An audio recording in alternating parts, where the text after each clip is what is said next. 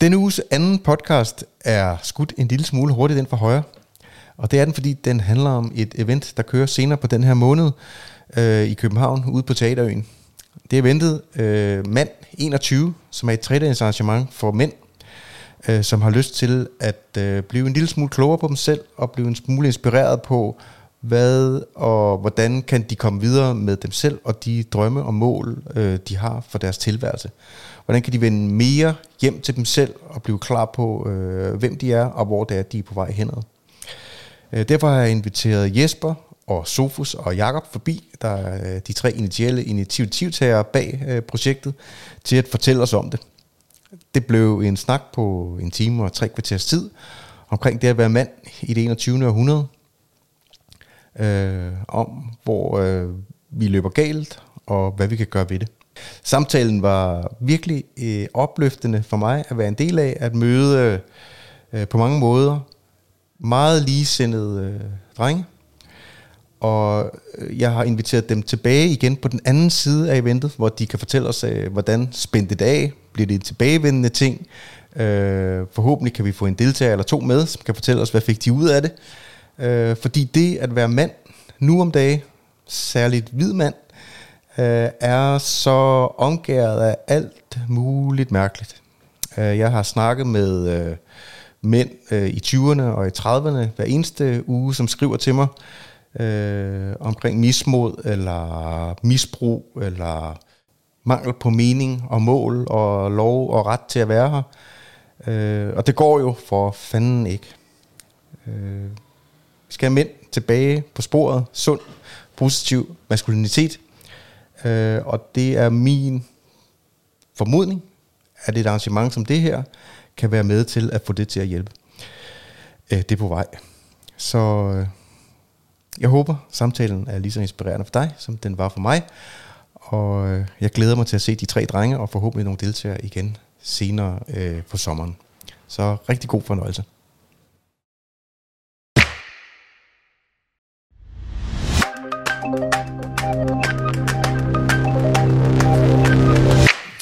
Så det, det er første gang, at jeg, jeg købte faktisk øh, to ekstra mikrofoner, fordi I kom. Ej, jeg, jeg ved, fordi der kommer flere øh, No pressure. ned ad vejen. Altså, jeg har, så det er første gang, jeg laver en podcast, hvor der er flere med. Så på den måde er det jo lidt spændende. Mm. Øh, men jeg tænker måske, I starter med at øh, lige præsentere jer selv. Jeg har inviteret jer, fordi I er i gang i et projekt, der hedder Mand 21, som handler om øh, det at være mand i det 21 eller 2021, eller det 21. århundrede. Mm. Fordi så mange af os, inklusive undertegnet, far vild øh, undervejs i tilværelsen. Øh, så hvis I lige, kunne I ikke lige bare sådan kort rise op øh, først i et navn, hvad det er, I sådan øh, drejer rundt omkring, øh, og hvorfor er det, kan vi så tage sammen bagefter, hvorfor er det, at der er behov for det her arrangement, som forhåbentlig bliver tilbagevendende, eller mm. åbner op for, at øh, der kan ske noget mere i det felt. Kunne du ikke sige det? Ja, det vil jeg gerne. Ja. Jeg hedder Jesper. Jeg er øh, far. Øh, jeg er søn. Øh, jeg er det, der hedder pensionschef. Øh, så jeg er også kollega. Jeg er ikke chef for nogen, men, øh, men jeg er sådan en øh, formidler, en sælger inden for den finansielle verden. Jeg hedder Somus. Jeg er 49 og far til tre og bonusfar til to. Wow. Og gammel udviklingschef for DR igennem mange år. Så har jeg været selvstændig de sidste 15 år. Som hvad? Øh, Jeg har arbejdet med bæredygtige startups. Nå, interessant. Jeg hedder Jakob, og jeg har læst filosofi og historie øh, på Roskilde for mange år siden. Og så har jeg sådan forskellige ting bragte mig ud på sådan en, en selvudforskningsrejse som 20-årig allerede. Der skete nogle, nogle stærke ting, som gjorde, at jeg blev nødt til at kigge på mig selv i alle ender og kanter. Og så det har jeg gjort i løbet af 20'erne og, og 30'erne også. Og så, øh, da jeg blev 33, startede min anden virksomhed som øh, mandecoach og coacher mænd omkring tantrisk seksualitet. Nå, det er sådan min, kerneopgave. Nå, pisse. Jeg har faktisk lidt efter en, faktisk, jeg kunne tale med omkring lige præcis tantra øh, ja. her, her, i podcasten. Så Uh, det kunne være, vi skal lave en til. lave en podcast om øh, tantra på et tidspunkt. Ja. Øh, nå, det er, altså, fordi det er, øh, seksualitet er jo et, et felt, der fylder ret meget som mand. kvæg, jeg ved ikke om det er hormon, hormoner eller hvad fanden det er, men altså sex fy- fylder jo altså et eller andet for mænd sådan helt generelt. Øh, og, Det fylder meget for alle. Men ja, ja. ja. Jo, man kan sige, vi har jo relativt meget testosteron i kroppen. Ja. Og nu kan man sige, Sofus er 49, jeg er 51, og man kan jo godt mærke, at den her østrogen blæsen lidt bagfra, men som alderen kommer, ikke? Jo. Så det, er rigtigt, at, øh, Ja. at det er jo en af de ting, der, der ændrer sig rigtig meget Ja. hen ad vejen, ikke? Ja. Så øh, ja, det er rigtigt. Kunne I ikke lige snakke lidt om, hvad, hvad, hvad er det her mand 21, og hvorfor er det, I har... Hvem er, er, der, er der en af jer, der er den originale initiativtager til det, eller, eller er det noget, I har slået hovederne sammen, fordi I kendte hinanden, eller... Vi, vi er en mandegruppe. Vi har været en mandegruppe sammen i, i to år, øh, hvor vi har mødtes hver tredje uge. Mm. Øh, og hvor vi deler om livet så ærligt og hudløst, som, øh, som vi kan. Ja. Øhm, og det har vi haft rigtig stor glæde af. Øhm, og så tror jeg, den opstod sidste efterår, ikke? at vi tænkte sådan, skal vi bare blive ved med at pille hinanden i navlen, eller skal vi prøve at give et eller andet? Skal vi have et projekt sammen? Ja. Og så tænkte vi, at vi kunne prøve at give noget af det her videre. Noget af det broderskab og den dybde, som, som vi har oplevet sammen, give det videre til andre. Ja. Øh, og så tænkte vi, det her format kunne være, kunne være brugbart. Fedt. Så det er vokset ud af det. Ja. Og, og hvad, er det, hvad er det, man kan på det her mand 21? Det er sgu et meget godt spørgsmål. øhm, ja, altså grundlæggende så prøver vi at samle 150 mand på øh, Teaterøen den øh, 25. til 27. juni. Øh, så jeg tror, man kommer til at opleve et ret stort broderskab. Øhm, og så har vi designet et program, der tager aftræk i to ting. Der er et prøv at kigge på, hvad er det i virkeligheden, vi drømmer om som mænd, og hvad var det, vi drømte om som drenge, og kan vi komme tilbage til den essens af, hvad det virkelig var, vi, vi drømte om på børneværelset som fem- eller syvårige. Og så prøve at komme tættere på at sige, hvis vi skulle leve den drøm ud i en eller to af vores dimensioner, den måde, vi arbejder på, den måde, vi bor på, den måde, vi er kærester på, kunne vi så træde mere i karakter og leve den drøm større. Det er den ene, øh, det ene ophæng. Øh, og den anden, øh, det var i virkeligheden et kig på, at kvinder har været relativt gode til at snakke om forskellige livsfaser øh, og institutionalisere mødergrupper og forskellige ting sager. Men vi er faktisk ikke særlig gode til som mænd, udover at vi bliver konfirmeret. Så er der ikke sådan særlig mange sådan ritualer øh, for, når man skal til at være far, og når man er blevet far. Hvad gør man, når man bliver skilt, når man går på pension? Så alle de svære skift i livet, øh, hvor man i virkeligheden står og har været god til noget i en årrække, men måske skal til at træde ind i en ny rolle, mm-hmm. der rammer man til den mur eller en krise. Mm. Og det har vi ikke et godt sprog om. Nej. Så drømme og livsfaser er i virkeligheden de to øh, sådan, hovedtemaer, vi prøver at folde ud øh, på årets lejr. Og for at supplere det, du siger her, det er også det her med, at det, den erfaring, vi har, det, det er det her med, at, at, at lade være, det, det her det er ikke et kursus, hvor du får et certifikat. Det er for alle de ting, der sker, et spørgsmål om at få din krop i spil. Altså få det her ned i noget, hvor jeg kan mærke forskellen. Øh, hvor de facilitatorer og, og dem, der kommer og underviser, ikke sådan holder foredrag, men hele tiden prøver at lave det, hvor du kan få en kropslig fornemmelse af, hvad det vil sige at være sårbar, eller hvad vil det sige at være i et bruderskab, eller så du sådan på den måde hele tiden får din, din krop med. Det vi i hvert fald har erfaret jo, og, og det jeg også selv kom fra, det var jo, jamen så læste jeg bog, så læste jeg noget med enagrammet, eller så fik jeg en certifikat i noget disprofil, og jeg kunne hele tiden... Ja. Så, så det her, det, det er jo også myndet på dem, som... Det kan godt være, at du er mellemleder, og du har haft et hav af kurser, mm-hmm. men det her det er et spørgsmål at skabe et, et, en, en portal, eller en, et, et, et rum, hvor jeg kan tage mig selv, min egen personlighed ind. Sådan, så det potentiale, der ligger i det, altså mærke det. Altså er jeg chef, eller er jeg menneske ud fra en viden, eller en, en erfaringsbase, eller kan jeg udvikle mig ud fra min personlighed? Så det er det, der egentlig er tanken her. Og det er der så forskellige, altså at, kommer man igennem et forløb, når man er der, eller er det sådan, man selv kan vælge, hvad det er, man, man har lyst til? Eller, altså, og hvem er det, der forestår øh, workshops, eller øh, foredrag, eller altså hvilken form har det? Er det, er det ligesom, ved, er det, er det, en, øh, er det et samlet forløb for alle 150 på en gang, eller shopper man rundt, eller hvad? Det, der, der sker en del forskellige ja. ting. Altså, Okay. der, er- du kan vælge dig ind. Vi har otte forskellige workshops, som man kan vælge sig ind på. Så nogen tager nogle workshops, og nogen tager nogle andre. Ikke? Ja. Men så er der også nogle ting, som alle går igennem. Der okay. er nogle øh, nogle main events, øh, som, som, hvor vi opfordrer alle til at være der, ikke? hvor alle ligesom går igennem processen sammen. Ja. Og så er der også et tredje ben, som er det, vi kalder sharing-grupper, hvor man kommer ud i grupper af en 6-7 mand, øh, og så deler omkring blandt andet livsfase-temaet, og snakker sig ind på, hvor er jeg i mit liv, hvad for en fase er jeg måske nu, og hvad for en fase er jeg måske på vej ind i, og hvad for en fase fik jeg måske ikke helt afsluttet for 10 eller 20 år siden, så vi får en bevidsthed omkring det. Ja. Og så laver vi også et ritual lørdag aften, som bliver sådan et forsøg på at lave en overgangsrite, Fedt. hvor man rent faktisk kan gå igennem rituelt en livsfase til hinanden. Ja, ja. Så der er sådan flere forskellige måder. Øh, flere ting bliver fælles, og nogle ting bliver individuelle, og nogle ting bliver i mindre grupper. Nå, mega fedt. Mm. Og der er 150 pladser. Der er 150 pladser. Og hvis man nu, hvis man nu sidder og tænker, åh, det er noget for mig, men jeg ved ikke rigtig, om jeg tør, men jeg tør måske godt alligevel. Hvor finder man en billet hen? Det gør man på mand21.dk. Mand 21, det var. Mm. Okay. Og hvad kommer det til? Altså, jeg tror for mange mænd udenfor. Nu, jeg, har, jeg har beskæftiget mig med mænd lige siden jeg var start 30'erne. Men hvis man nu øh, var der, hvor jeg var, hvor jeg går ud fra, at I også har været på et tidspunkt i jeres liv, hvor man øh, er faret vild, og man ikke ved, hvad fanden man skal gribe fat i, eller hvem man skal gribe fat i, øh, så kan det være svært, altså hvis man ikke har noget sprog for, hvad vil det sige at være mand, og det har, det er, helt generelt har vi ikke særlig bredt sprog, ligesom vi ikke har et sprog for Gud nu om dagen, mm. har vi ikke et sprog omkring det at være mand. Øh, alene ordet mandegruppe, tror jeg, stritter, så stritter hårene på mange mænd. Mm. Er det sådan, at vi kunne prøve at tale en lille smule omkring, hvad, hvad er en mandegruppe? Hvad er effekten af det?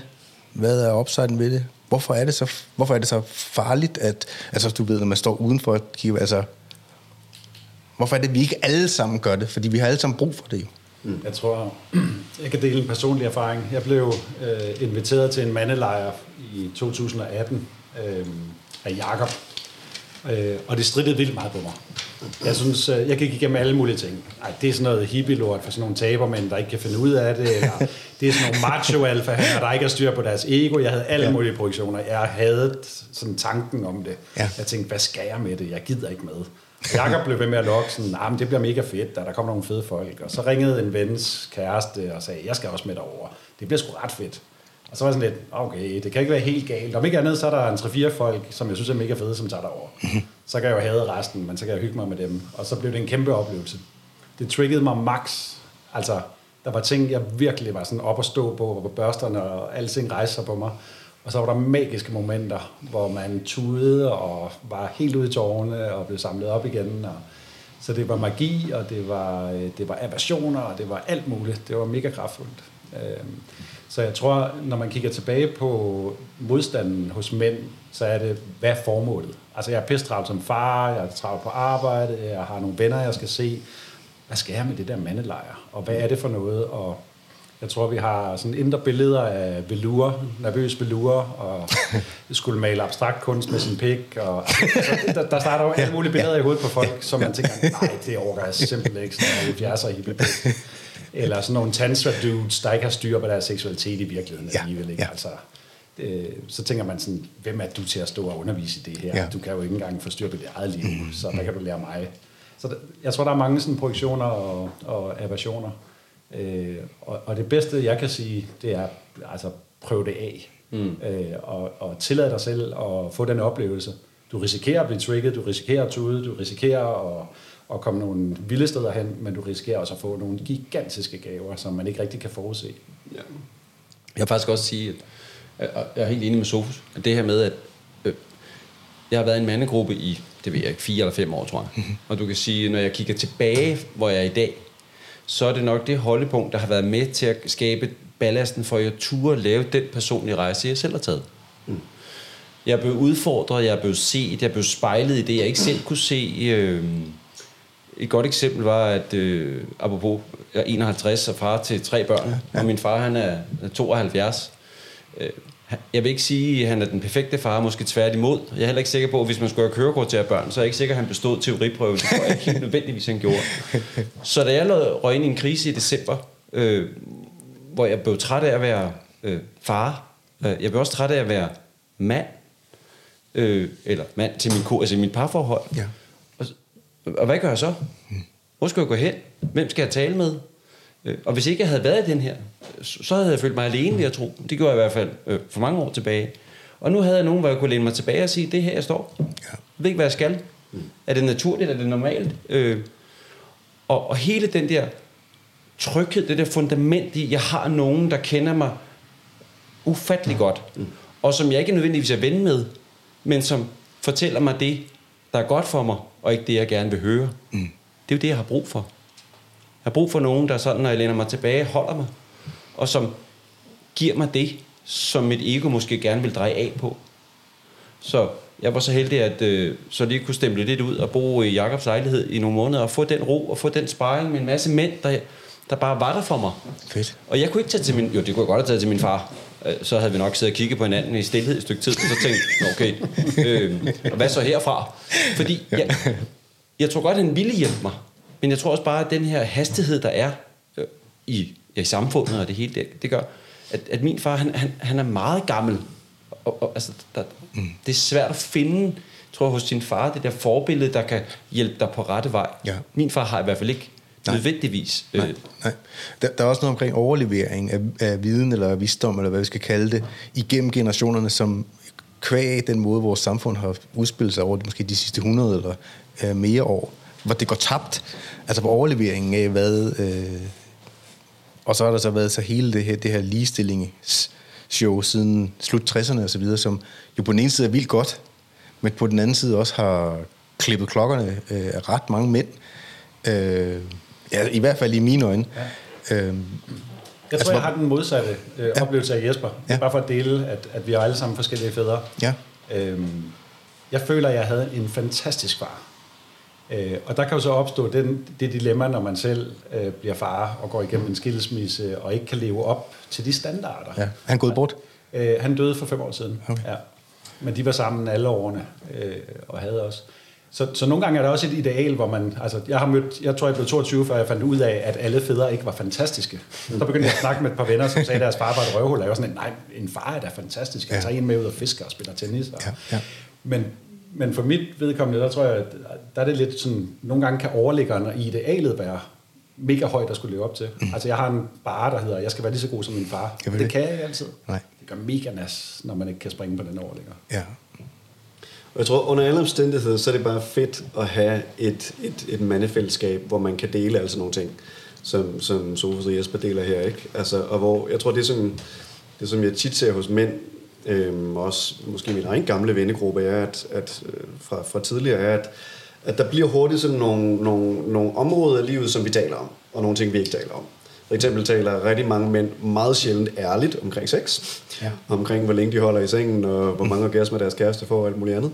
Øhm, så det der med at, have, at få skabt et, et mandefællesskab, et broderskab, hvor du taler ærligt om tingene. Ja. Både de fede ting, og de ting, du synes, der er svært, og det, der er hårdt at leve op til, og, og, og det, der går godt, når det går godt, men, men det hele. Øhm, og hvor man kultiverer en, en kultur, hvor man, hvor man virkelig øver sig i at tale direkte, ærligt og fra hjertet. Ikke? Også når jeg føler, at du sidder og bullshitter, og du sidder og lyver for dig selv, Ja. og du bare bitcher over din kone, mens du skulle kigge på dig selv. Ikke? Så, så siger jeg det. Altså, det siger jeg, hvis du er i min mandegruppe. Ja. Og det kan godt være, at jeg tager fejl, men jeg gør det alligevel. Og så er det op til dig at mærke ind på, kan du bruge det, eller kan du ikke bruge det? Ja. Så sådan den der virkelig hudløst ærlige insisteren på at tale ærligt og kærligt i, i den, den bedste sags tjeneste, ikke? Ja. Er, er en fantastisk fed ting at kultivere mænd imellem. Altså det er sådan lidt cool, man. Hvis jeg vil have den ærlige mening, så spørger jeg sgu de der to gutter, ikke? Jeg ved ikke, du har haft Thomas Friis inden og snakket To, med ham, øh, to gange, ja. Jeg støttede faktisk ind i Thomas, øh, fordi at jeg øh, var så interesseret i David Data, det er omkring 2007 stykker. Mm. Og han var den eneste i landet, der ligesom turde sige, at det, var han mm. også. Så mødtes jeg med ham på en café dengang, så vi ikke mødtes siden, at jeg inviterede ham forbi her igen. Ja, men nu kommunikerer vi øh, regel, regelmæssigt frem og tilbage. Det er måske værd at sige for dem, der sidder derude og tænker, hvad, hvad fanden er en mandegruppe? Altså, det er meget konkret. Det er det, jeg mener, ja. Ja, vi, vi, mødes, øh, vi mødes onsdag aften hver tredje uge ude i tårnet på Refshaløen, hvor vi har en, et lille klubhus. Men det kan være hjemme i Jakobs lejlighed eller hos Jesper. Øh, vi mødes klokken 6, hvis vi har tid, så laver vi mad sammen. Mm-hmm. Så tjekker vi ind klokken 7, mediterer fem minutter og sidder lige og kommer til stede. Og så deler vi på skift øh, typisk 10 minutter, og så er der feedback. Øh, og så når vi er færdige med den feedback, så er det den næste, der deler. Så er der feedback. Så er det den næste, der deler. Og så prøver vi at kigge på, er der nogle temaer for aftenen? Er de bare i jer tre? Eller? Øh, det er det i det her tilfælde. okay, ja. Øh, Jesper har en anden mandegruppe, jeg har også en anden Ja, mandegruppe. okay. Så er der nogle temaer, som måske har kogt i løbet af aftenen, og så bruger man den sidste halvdel af aftenen på at sige, skal vi dykke ned i det? Ja. Øh, var der en fællesmængde her, hvor vi skal dobbeltklikke på et eller andet, eller gå dybere ned ad en eller anden vej, for ligesom at koge suppe på, okay, Jesper har et eller andet, der virkelig skal, skal bruge noget mere kærlighed, eller jeg har et eller andet issue den her uge, eller det er Jakob der er trigget over et eller andet, og så bruger vi tid på det. Ja. Så runder vi af klokken 10, så kan folk nå hjem og sove, og komme op på arbejde næste dag. Så vi prøver at holde sådan et relativt stramt format. Så en mandegruppe er ikke et eller andet mystisk. Det er i virkeligheden en struktureret ramme mm. for at mødes, for at dele fra et ærligt sted, og give et feedback fra et relativt sådan, øh, kærligt, kritisk, kontant sted, øh, hvor, man, hvor man går til folk øh, og caller dem, også når man ikke kan mærke dem, eller hvor man føler, at de sidder og snakker udenom, Ja. eller projicerer, eller giver kæresten skylden for, hvad der er rodet hos en selv. Ja. Og det vigtige i den sammenhæng, tænker jeg i hvert fald også, som er i hvert fald mantra hos os, og også i min, min oprindelige, min, min anden mandegruppe, det er det her med, at det er ikke, det er ikke sådan et sted, hvor jeg giver gode råd til andre. Det er ikke sådan et, men nu skal du høre en gang, altså, det er egentlig sådan lidt mere, hvad er det, jeg ser, og hvad er det, jeg føler, du har brug for? Altså, hvad kan, altså, giver det mening, så Ja. jeg spejler lidt det, jeg ser, sådan som, hvis, hvis nu jeg sidder og deler, og Jacob siger, jeg kan ikke mærke dig, eller det, du begynder at fortælle en historie, jeg, kan ikke, jeg ved ikke, hvor du vil hen med det, så, så får jeg den feedback, så jeg ligesom mm. kommer bag ved de der selvdefinerede historier, jeg render rundt og fortæller mig selv. Jeg skal ind bagved for at finde den sårbarhed, der skal til, for at jeg måske ikke kan reflektere over de problemstillinger, jeg har. Så er der ja. nogle mænd, der har travlt med at fikse. Ja. Og, og det er lidt forbudt. Altså der prøver man i virkeligheden at korte hinanden og sige, hvis der er en i gruppen, der sidder og prøver at fikse den andens problem, så er man gået galt i byen. Så don't fix it. Prøv at sige lidt mere om det. Ja, altså hvis du sidder med en problemstilling, så i stedet for, altså det kan godt være, at jeg kan se, hvad jeg tror, du burde gøre i den her situation, mm-hmm. men i stedet for at forklare dig det og give dig løsningen, så er det at prøve at spejle dig og tvinge dig til selv at erkende, eller komme hen det sted, hvor du kan se, hvad er den rigtige løsning. Ja. Øhm, Se. Og en anden omstændighed er det bare en utrolig stærk oplevelse at have sådan en cirkel, hvor at, nu er vi så kun tre, men, men der, det er nogle bevidste herrer, der sidder her. Ja, ja, ja, ja. Så, så, eller hvis man sidder seks eller 10 eller Ja. whatever, ikke? Altså du sidder i en cirkel, og du har hele resten af cirklens opmærksomhed på dig. Ikke? Al- Alene det gør faktisk nogle gange, at der er nogle erkendelser, der sådan dy, dy, folder sig ud. Ja. Fordi at, at de, de virkelig ser mig. Øhm, Ja at modtage den opmærksomhed og, og vælge at lade sig blive set der, sætter nogle gange gang i nogle erkendelsesprocesser. Ikke? Og så, og så en, en anden vigtig point, det synes jeg også, øhm, også tror jeg, hvor vi er lidt bagud i forhold til kvinderne, sådan, som, som køn, er nok, at jeg tror, som mænd har vi lidt mere fokus ude på den ydre verden, og skal ud og erobre og slås med nogle drager, og erobre noget land og alt muligt andet. Øhm, og så vi har bare lidt mindre, lidt mindre opmærksomhed på, hvad sker der egentlig herinde. Mm. Og vi snakker heller ikke så meget med hinanden om det, så vi har heller ikke et sprog for det. Så allerede der er vi bagud på point, når vi så er i et parforhold og skal tale om nogle ting, ikke? fordi hun er vant til at tale om sådan noget hele tiden med sine veninder, Ja. og har et sprog for det, og er lysår foran. Ikke? Ja. Så det, som mandegruppen også gør, er, at du får noget spejling, og du får bevidsthed på, øh, hvad er det egentlig, jeg mærker, og hvad er det der for en følelse? Er det, er det vrede, eller er det frustration, eller er det skam, eller er det ked af det? Og, og lære at mærke, hvordan det føles, og sætte ord på det. Så allerede der bliver du trænet i rent faktisk at forstå dig selv og sætte ord på det, øh, så du kan navigere meget bedre i dit parforhold og i livet i det hele taget. Har fornemmelse af, altså fordi når, når, når, når, man- når I taler om det på den her måde, så lyder det jo vildt fedt. Altså så, så lyder det jo som om på samme måde, som man tænker... Det er super fedt. Altså jeg, jeg bliver, øh, man, man dyrker kampsport eller et eller andet. Man bliver, man bliver bedre til, man får et bedre... Øh, altså man bliver bedre til at navigere eller klare både personlige og andre Mm. udfordringer. Præcis. Øh, tror I, det har været noget tidligere kultur har været bedre til? Altså, at, at mænd har haft, øh, alene kvæg det, man har siddet rundt om et bål, og man har været ude på jagt osv., men at mænd tidligere har haft den her form for fællesskab. Fordi okay. lige nu, der er jo, øh, nu er jeg jo så godt med, jeg er med i en loge, hvor, hvor, hvor vi praktiserer noget af det samme på en anden måde, hvor det er sådan et langstraktet forløb, men helt generelt i vores samfund, så er der fodboldklubber, mm. øh, nogen går på jagt, og, og alle de der ting er fine, men man kommer jo ikke i nærheden af, af den varme grød, eller man kommer ikke i nærheden af der, hvor det gør ondt, eller hvor man egentlig har brug for lige at blive trykket eller Præcis. trykket nusset. Jeg tror, jeg tror forskellen er, det, den loge, eller den jagtklub, eller den fodboldklub, du er Ja. i, mødes den med et eller andet konkret formål, Ja. som at skyde nogle dårdyr, eller vinde fodboldkampen næste gang, Ja. eller mødes I med det formål at blive klogere på jer selv, Ja. og klogere på livet. ja.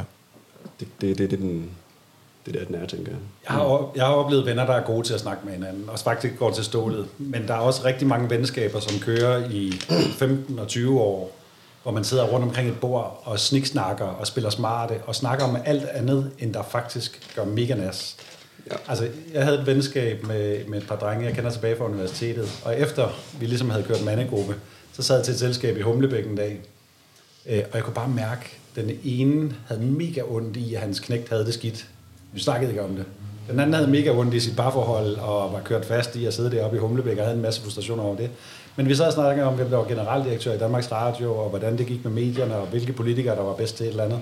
Og på et eller andet tidspunkt havde jeg bare sådan brug for, okay, kan vi snakke om noget andet? Kan vi have den her samtale? Fordi vi snakker om det samme hver gang. Kunne vi snakke om det, der virkelig rører sig? Så det kan faktisk også lykkes nogle gange at bruge de her metoder til at gå ind og få en ny samtale med andre af sine gamle venner, og få en, en, en ny kraft i at være sammen. Øhm, fordi ellers glider nogle af de venskaber måske også fra hinanden, fordi de bliver ligegyldige på et tidspunkt. ja. Ja, også med ens familie i sidste ende, ikke? kan man også hive den ind. Altså hvis man, jeg tænker, hvis man finder dybden et sted, om det så er en mandegruppe eller med en terapeut, eller hvor det er, men, men så kan man tage den med sig Ja. ind i andre livets sammenhæng og relationer. Ikke? ja, ja.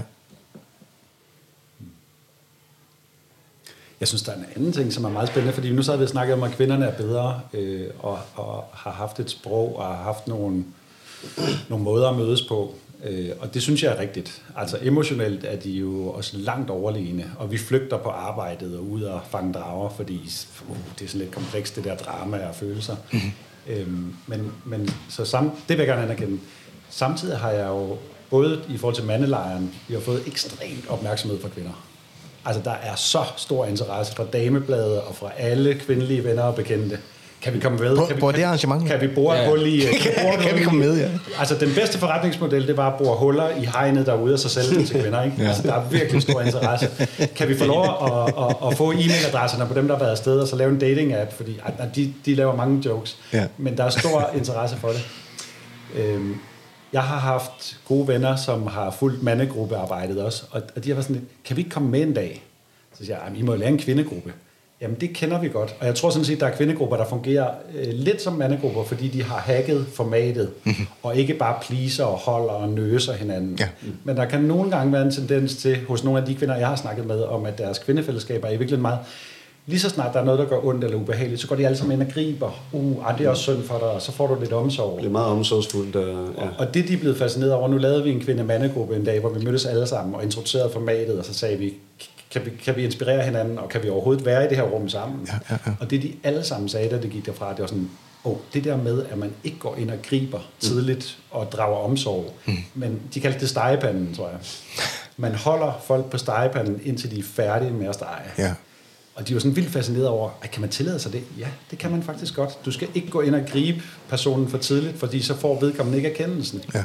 Så jeg tror faktisk, de tog hjem og sådan tænkte, hmm, der var noget, de faktisk Kunne ikke havde øh, knækket i deres kvindegruppe eller i deres kvindecirkel, som de tog med tilbage. Så det er jo fedt. Og vi lærte også noget øh, den anden vej rundt. Ja.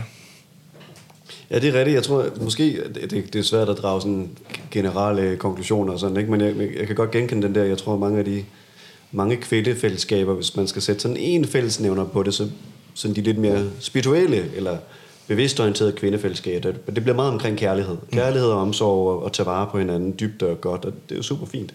Men nogle gange så bliver det måske lidt for tidligt, ikke? Hvor jeg synes, sådan, de bevidste mandefællesskaber er meget om sandhed. Altså sig sandheden. Også selvom det går ondt. Og det, og det kan nogle gange blive en tand for hårdt. Ja, ja, ja, så, så sådan en, en, en balance, hvor man får lidt af begge dele med, kunne, Ja. ja. kunne vi sikkert begge øh, drage fordele af. Ja, det er virkelig god pointe. Det er også interessant i forhold til det med, at, at øh, kvinder har lyst til at øh, stå og kigge ind igennem, og de gerne vil have e-mailadresser og lister og så videre over de her mænd. Altså, fordi det er jo også en af de gentagende ting, som jeg i hvert fald har hørt øh, de sidste 20 år, tilbage, hvor de rigtige mænd hen. Samtidig med, at dem, der opfører sig som i anførselstegn rigtige mænd, eller i hvert fald demonstrerer nogle af de traits, der er som rigtig mand, de bliver slagtet. Øh, der er et eller andet, øh, der er et eller andet øh, mismatch i tiden i forhold til... Men hvad er en rigtig mand? Vi ved det jo ikke længere. Nej. Øh, det, det, var, det var også et, ligesom et, det, der ligger nedenunder, hvorfor jeg har lavet podcasten, også for at afsøge det emne. Og er også derfor, jeg synes, det er så pisse interessant, I kommer forbi, ja. og med jeres arrangement og så videre. Og derfor har jeg øh, inviteret Thomas Friis og nogle af de andre, der har været forbi. Ikke? Øh, For, fordi vi får gjort det så... Vi får nærmest gjort det øh, ulovligt at udforske, hvad det vil sige at være mand. Ligesom vi får gjort det ulovligt at udforske øh, politiske synspunkter eller holdninger til alt muligt i øjeblikket. Ikke? Øh, Jeg synes faktisk, du siger noget interessant her. Fordi lige præcis, men 21 har jo et grundlag. Altså hele fundamentet er, at der ikke er et, der er ikke et idol, der er ikke en facit, der er ikke et eller andet, som siger, okay, vi vil have dig derhen. ja. Vi kommer 150 mand, og, og hele øh, ven- eventet er jo skabt på den måde, at du skal jo selv være med til at definere, hvad du vil have med for det her. Så Ja. det er jo sådan en buffet, hvor ideen er jo at vokse fra dit udgangspunkt. Ja. Mm. Og det er det, der hele essensen her, det er, hvis jeg havde fået at vide, at jeg skulle følge øh, sporene fra en eller anden guru engang, så var jeg jo endt sammen. Det er jo ikke det, der er meningen. Meningen er at, at tage det jeg, jeg, det, jeg kan mærke, og så når jeg bliver lidt bange, eller jeg føler, uh, det her, det, nu kan jeg mærke, det krasser i hjertet eller et andet sted, mm. øh, og så have nogle andre omkring dig, der kan støtte dig på, så det er okay, altså vi er sammen om det her, men du har din rejse, jeg har min rejse. Så hele fundamentet, der, der, der, er ikke noget, der er ikke noget facit, der er ikke noget forbillede. Nej. Der er en masse jeg- visdom, du kan plukke i og tage det med hjem.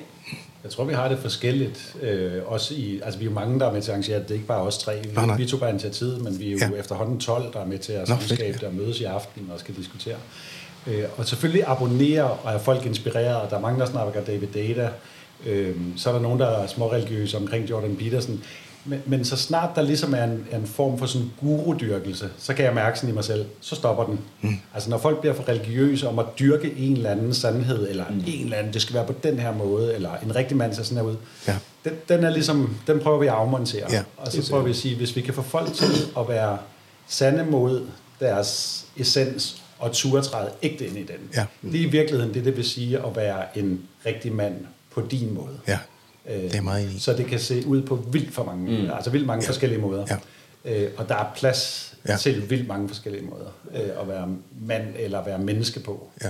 Øh, Jeg tror, hvis, hvis jeg lige må komme med en... Jeg er fuldstændig enig. Jeg tror, hvis jeg skal give en lidt teoretisk overbygning på det, så, så øh, Alexander Barth, svensk filosof, han er, han er sådan lidt, lidt i vores netværk også. Okay. Øhm, og jeg synes, han har en model, som jeg virkelig godt kan lide, som han kalder tribal mapping, som er at forstå menneskeheden ud fra, at vi langt størstedelen af vores historie, evolutionshistorie, har levet i små stammer af ganske få hundrede individer. Ikke? Mm-hmm.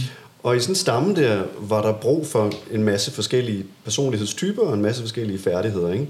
Og dermed brug for en masse forskellige typer mænd. Der var brug for nogen, der kunne tage ud og nedlægge den store bøffel. Ikke? Der var brug for nogen, der kunne gå i krig.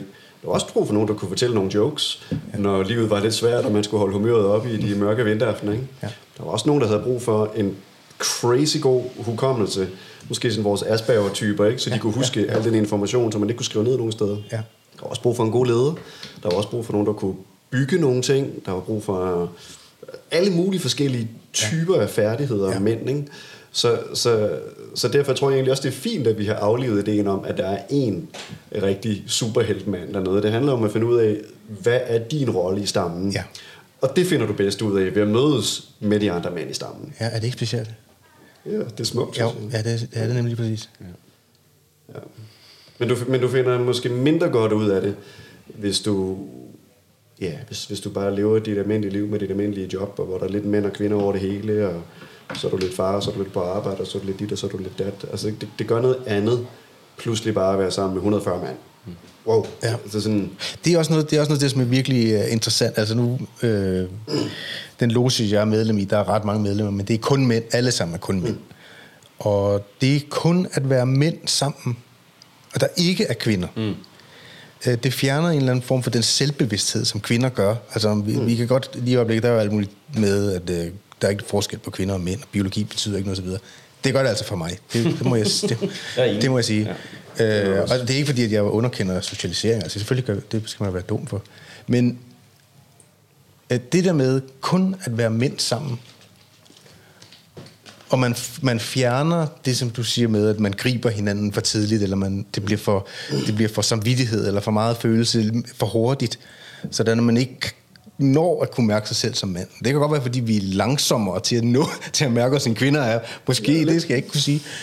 Men det er, det, det er også jeres fornemmelse, at det der med, at man kun er mænd, Ja. gør noget. Ja, helt sikkert. Fuldstændig. Det afseksualiserer rummet, ikke? Altså pludselig er vi ikke alle sammen opmærksomme på hende der blondine derovre, vel? Og, Ja. ja. og den der konkurrence, der, der kunne pludselig spille ind med, hvem får hendes opmærksomhed og bla bla, den er bare væk. Ja. Så vi, så vi er sammen på nogle andre præmisser lige pludselig. Ja.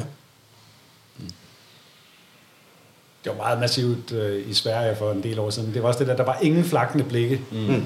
Altså, det, det er ret vildt, hvor meget vi flakker i blikkene, når der er et eller andet, der er interessant, om det er brunetter, eller bladiner, eller rødhåret, det, det er lige det. men, men, øh, men det var også en følelse af, på et tidspunkt, efter man ligesom var landet øh, på anden dagen, den der kæmpe kraft af at sige, vi er faktisk 120 mand samlet her. Tænk, hvad vi kunne udrette. Mm. Altså, nu var vi der for personlig udvikling, men hvis vi rottede os sammen som en landsby af mænd, så kunne vi bygge et vikingeskib på en weekend, eller vi kunne bygge en, et, øh, en stor hal, eller Ja. et, øh, altså fantastiske ting, man kunne udrette. Der var sådan en følelse af en kraft, som var sådan helt uagtig, og som ja. man aldrig er i kontakt med til hverdag, synes jeg. Det er, vildt, det er virkelig interessant, fordi jeg spillede, som I kan se her rundt, jeg spillede ret meget musik, da jeg var, altså og spillede band, da jeg var yngre. Den der fornemmelse, der vi jo også kun knægte der sammen. Mm. Den fornemmelse af at være nogle drenge sammen, eller nogle mænd sammen, som trækker i den samme retning, og som passer på hinanden og støtter op hinanden, der hvor man er svag, og, og siger, du er ikke god nok her, du bliver nødt til at gøre sådan og sådan. Det, det, øh, dele af det, det har jeg savnet hele mit liv, siden jeg gav slip på det. Altså at have, selvom vi kun var knægte dengang, det er vildt, hvad det gør. Altså, hvad det betyder for ens. Også, også den udfordring, der er i. Du, vi, ser dig, vi ser, hvor du er, og du har brug for at bevæge dig herhen. Mm-hmm. For også at følge med flokken og ja. så videre, ikke? Jamen også det der, du siger, den der, sådan, den der længsel efter at have et eller andet stort mål. Ja, ja, ja. Og, og, og ja, arbejde imod sammen, ja, med, sammen ja, med ja, ja. sine mandevenner. Der, der, der, er også noget, er der, er der ikke noget i vores tid, sådan et eller andet, hvor, det, hvor du ved, alt, alt, er, alt er okay, alt, ja. det, det, det, alt er, og dermed også at bliver alt ligegyldigt, lige, altså ja. ret hurtigt, altså at det, øh, hvis, ikke noget, hvis ikke vi har nogle idealer, vi skyder efter, hvis alt er lige godt, hvis det, hvis det er ligegyldigt, om du vejer 200 kilo, eller om du er normalvægtig, eller øh, så videre, hvis, hvis alting mister betydning, hvad, hvad retter vi så ind efter, eller hvad skyder vi efter? Hvad synes vi, der er... Mm. Altså, og nogle ting er vel... Altså, nogle idealer skyder man vel efter, fordi det har ens interesse. Altså, fordi at, der, er noget, der bor noget i en, som man har lyst til at afsøge, og man vil forfine og blive bedre og bedre til. Mm. Og, og så er der vel også nogle, noget, nogle andre idealer, som man kan sige, øh, du bliver syg, hvis ikke at du... Altså, hvis du, hvis du lyver for meget for dig selv, så ender du med at syg. Altså, hvis du kun æder flødekager, så ender du med at blive syg, øh, og, og, og så videre, ikke? Mm. Men, men det handler jo, synes jeg, for mig om meget det her med at være bevidst. Ja. Altså gør det, du gør, bare gør det bevidst. Ja. Altså, du må godt æde 10 flødeskumskager om dagen. Men det, er også, det, det kunne vi også godt snakke lidt om. Det der med at være bevidst og være, at have bevidsthed. Mm. Og dengang jeg gik i gymnasiet, så, så snakkede vi om, hvordan redder vi planeten?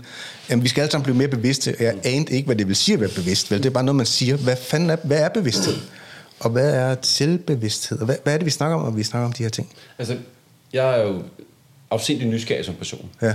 Og jeg er altid nysgerrig på, hvad sker der, hvis jeg gør noget andet? Så for eksempel det med at sige, jeg, jeg, jeg starter efterhånden morgenen med en kop kaffe eller to hver ja. morgen. ja. Og det gør jeg bare. Og så tænkte jeg for et par år siden, okay, hvad sker der, hvis jeg lader være? Så okay, nu tog jeg tre måneder uden kaffe. Ja. Hvad sker der så? Ja. Så det der med at være nysgerrig på det, der bare er. Øh, det kan også være at sige, jeg sad med min kone og sige, okay, skal vi prøve at tage tre måneder uden sex? Det har du gjort. Ja. Så skal, kan vi prøve det? Jo, det kan vi da godt. Og så gør vi det. Og siger, hvad er det for nogle erfaringer? Hvad giver det? Og hver eneste gang, du bliver nysgerrig på det, du bare gør, mm. så er der jo noget, du bliver klogere på. Og vi fik jo en okay, det fyldte alligevel noget i vores liv, da vi pillede det væk. Det var nogle andre diskussioner, en anden form for måde at løse konflikter på, når, når du pillede sex ud af ligningen. Mm-hmm. Så tænkte okay, det er lækkert. Det var lækkert pudsigt. Øh, og det skabte så nogle andre udfordringer senere. Men, men, men den der nysgerrighed med, vi har også haft en periode, hvor vi siger, okay, skal vi prøve, altså uanset hvad, øh, nu bliver det selvfølgelig person, Ja. ja. skal vi prøve bare nu beslutter vi fra i dag, at næste 30 dage, der er seks hver dag. Skal vi prøve det? Men det vi være med på. Så på den måde, uanset hvad, være nysgerrig på, hvad sker der, hvis vi gør det og det? Uden at det skal være et, et, en manifestation af et eller andet med styrke, men bare prøve at være det sammen. Og det har virkelig skabt en fantastisk øh, intimitet, øh, hvor vi siger, skal vi prøve det? Og så, så vokser der også noget at sige, okay, øh, jeg kunne godt tænke mig det her, og så snakke om seksuelle fantasier, eller det kunne være andre ting, der Ja. bliver naturlige. For man kan sige, jeg, jeg tør godt, jeg, godt, jeg tør godt sætte ord på. Øh, og så kan man sige, oh, det synes jeg da også, det, lad os da prøve det så. Øh, og det, det har jeg gjort i mange af, af, af livets forhold egentlig. Ja. Øh, også prøve at sige, okay, hvis jeg nu kun, hvis jeg nu kun spiser én gang om dagen, altså, fordi en af de ting, jeg faktisk fandt ud af for ikke så lang tid siden, jamen jeg spiser jo, fordi det er jeg vant til. Men hvornår, hvornår har jeg sidst været sulten? Ja. Så tænkte jeg, okay, nu prøver jeg det. Og det er faktisk rart at være sulten. Ja, det er, det er faktisk virkelig rart. Ja, det er det. Fordi du skal spise øh, 10 gange om dagen, jamen, så bliver jeg jo aldrig sulten. Nej. Så det med sådan at prøve at være nysgerrig, for at skabe en bevidsthed for at sige, okay, jamen, så, og så nu vil jeg gerne have min morgenkaffe, for det kan jeg mærke det. Og så når du måske skal detoxe eller slippe lidt, for eksempel sige, okay, så skulle jeg måske lade være at sidde og spise slik om aftenen. Det er måske en meget god idé. Mm. For det kunne jeg godt. Ja, hvor meget er det der? Så bevidsthed handler om at give slip på vaner, eller Ja. Jeg ser be- dem. bevidst, bevidst på sine vaner? Mm. Jeg tror, Jacob han udfordrede mig en gang og sagde, at jeg skulle gå i kloster. Jeg kunne ikke forestille mig noget værre. Jeg, jeg, har heller- jeg har heller ikke været i kloster. Derfor var det en god idé. Det er simpelthen den største udfordring for mig. Men øh, det, var, det var ikke lige i forlængelse af, hvad du sagde, men, men så var der en anden øh, anledning til, at jeg blev introduceret til at sidde og prøve at meditere. Øh, og, og hvor vildt det end lyder, jeg var 48, før jeg mediterede første gang. Hvor gammel er du nu, Sofus? Øh, jeg er 49. 49, ja. Jeg startede sidste efterår. Ja. Og nu er det en praksis hver morgen. Mm. Jeg kan faktisk ikke rigtig undvære det. Om det er en 10 minutters meditation, om det er en 20 minutters eller en 30 minutters. Jeg prøver at stå op klokken 6.15, før ungerne vågner. Sætter mig, øh, tager 10, 15, 20 minutter med en guided meditation, eller sidder bare selv, øh, før de vågner, øh, og hele ramachangen starter. Har, har du fem derhjemme? Øh, jeg har øh, tre derhjemme, og en, der Du ser for uroligende godt ud i forhold til en, der har fem. og, og, og flip, flip og frem og tilbage. Men, men øh, jeg, jeg prøver virkelig at gøre det til en praksis og, og, og grounde en gang om dagen. Øh, og så er det blevet sådan, øh, så er det ikke pligt længere. Jeg kan mærke nogle gange, når jeg kommer hjem øh, lørdag efter en løbetur om morgenen også, så skal jeg bare hen og sidde. Ja. Og have det der moment med mig selv, og lige mærke efter i hele kroppen, sådan, mm, hvor, er, hvor, hvor er det koger lige nu. Hvor lærte, hvor, hvor lærte du det henne? Hvor, hvor, var en ven, altså fordi, fordi for øh, danske drenge, hvis jeg, der er også en del, jeg kan se, der er en del fra Jylland, der ser med. Ja. Så måske ikke øh, lige at vokse op med nogen, der taler om meditation noget som helst sted. Ja. Hvor, hvor kommer du i kontakt? Hvor kommer en dansk dreng i kontakt med? Det var faktisk øh, min øh, ven øh, Lars Lundby, som jeg er i mandegruppe med, den anden mandegruppe, som okay. introducerede det. Øh, og så min gode ven øh, Line Bangsbo, som sagde, i stedet for at download Headspace, som er den kommercielle øh, meditationsapp, så prøv den her Plum Village, som er en non-profit ting. Men jeg sidder egentlig bare tit selv, mm. og en gang imellem så tager jeg sådan nogle guidede meditationer øh, på Plum Village, hvor man bare starter den. Og Mediterer I alle tre? Mm. Hver dag. Fortæl lige en gang, hvad, både hvad, hvordan at man gør, eller hvis der findes en måde, hvor man gør det, øh, og hvad det giver at gøre. Fordi jeg tror også for mange, der tænker, I ligner ikke tre mennesker, der mediterer i mange menneskers hoved. Forstår, forstår du, hvad jeg mener? Ja, ja, ja. Altså, Jeg tror, jeg- jeg fordi tror- det er forbundet med alt muligt, så skal der røgelsespinde og lilla, og du siger selv, øh, øh, øh, hvad sagde du, lilla, øh, lilla, Lilla stof, ja, lilla valur, ja, det, tror, altså, ja, ja, Jeg har lavet, en, jeg har lavet en lille, et lille sted ved siden af min seng, lige over ved siden af bøgerne, øh, hvor der er et lille øh, skin, og, øh, og så har jeg lavet en øh, pølse. Mm. Altså faktisk, nogle ting er jo praktiske. Øh, jeg havde at meditere og dyrke yoga, som jeg faktisk har gjort, fordi jeg ikke kan finde ud af at sidde i skrædderstilling, fordi mine hofter er låste. Okay. Så det blev bare det, der blokkede. Ja. Jeg kan ikke sidde og meditere 20 minutter i skrædderstilling. Så fandt jeg ud af, at jeg kunne sidde på knæene over en pude, fordi der var en, der havde introduceret det. Du ruller en pølse, sætter den mellem benene, og så kan du sidde behageligt. Og lige pludselig kunne jeg sidde behageligt og tænke, nu sidder jeg ikke og tænker på, at jeg sidder i skrædderstilling, og det går ondt. Nu kan jeg faktisk sidde på en måde, hvor jeg godt kan være i det. Ja. Og jeg kan sidde i 30 minutter uden noget problem. Ja. Så der fik jeg sådan knækket sådan en eller anden lille praktisk irritation, og det tror jeg Små virkelig er det, der, det, der ødelægger det for mange mænd. Ej, det er ubehageligt at sidde på den måde i så lang tid. Ja. Så sid på en anden måde. Det er ikke vigtigt, hvordan du ser ud, eller du skal være perfekt. Du skal sætte dig, så du er behagelig, og så skal du tune ind på din krop og ligesom sige, og så kan du bruge en guided meditation, øh, som hjælper dig igennem og snakker dig igennem det, og Ja. zoomer ind.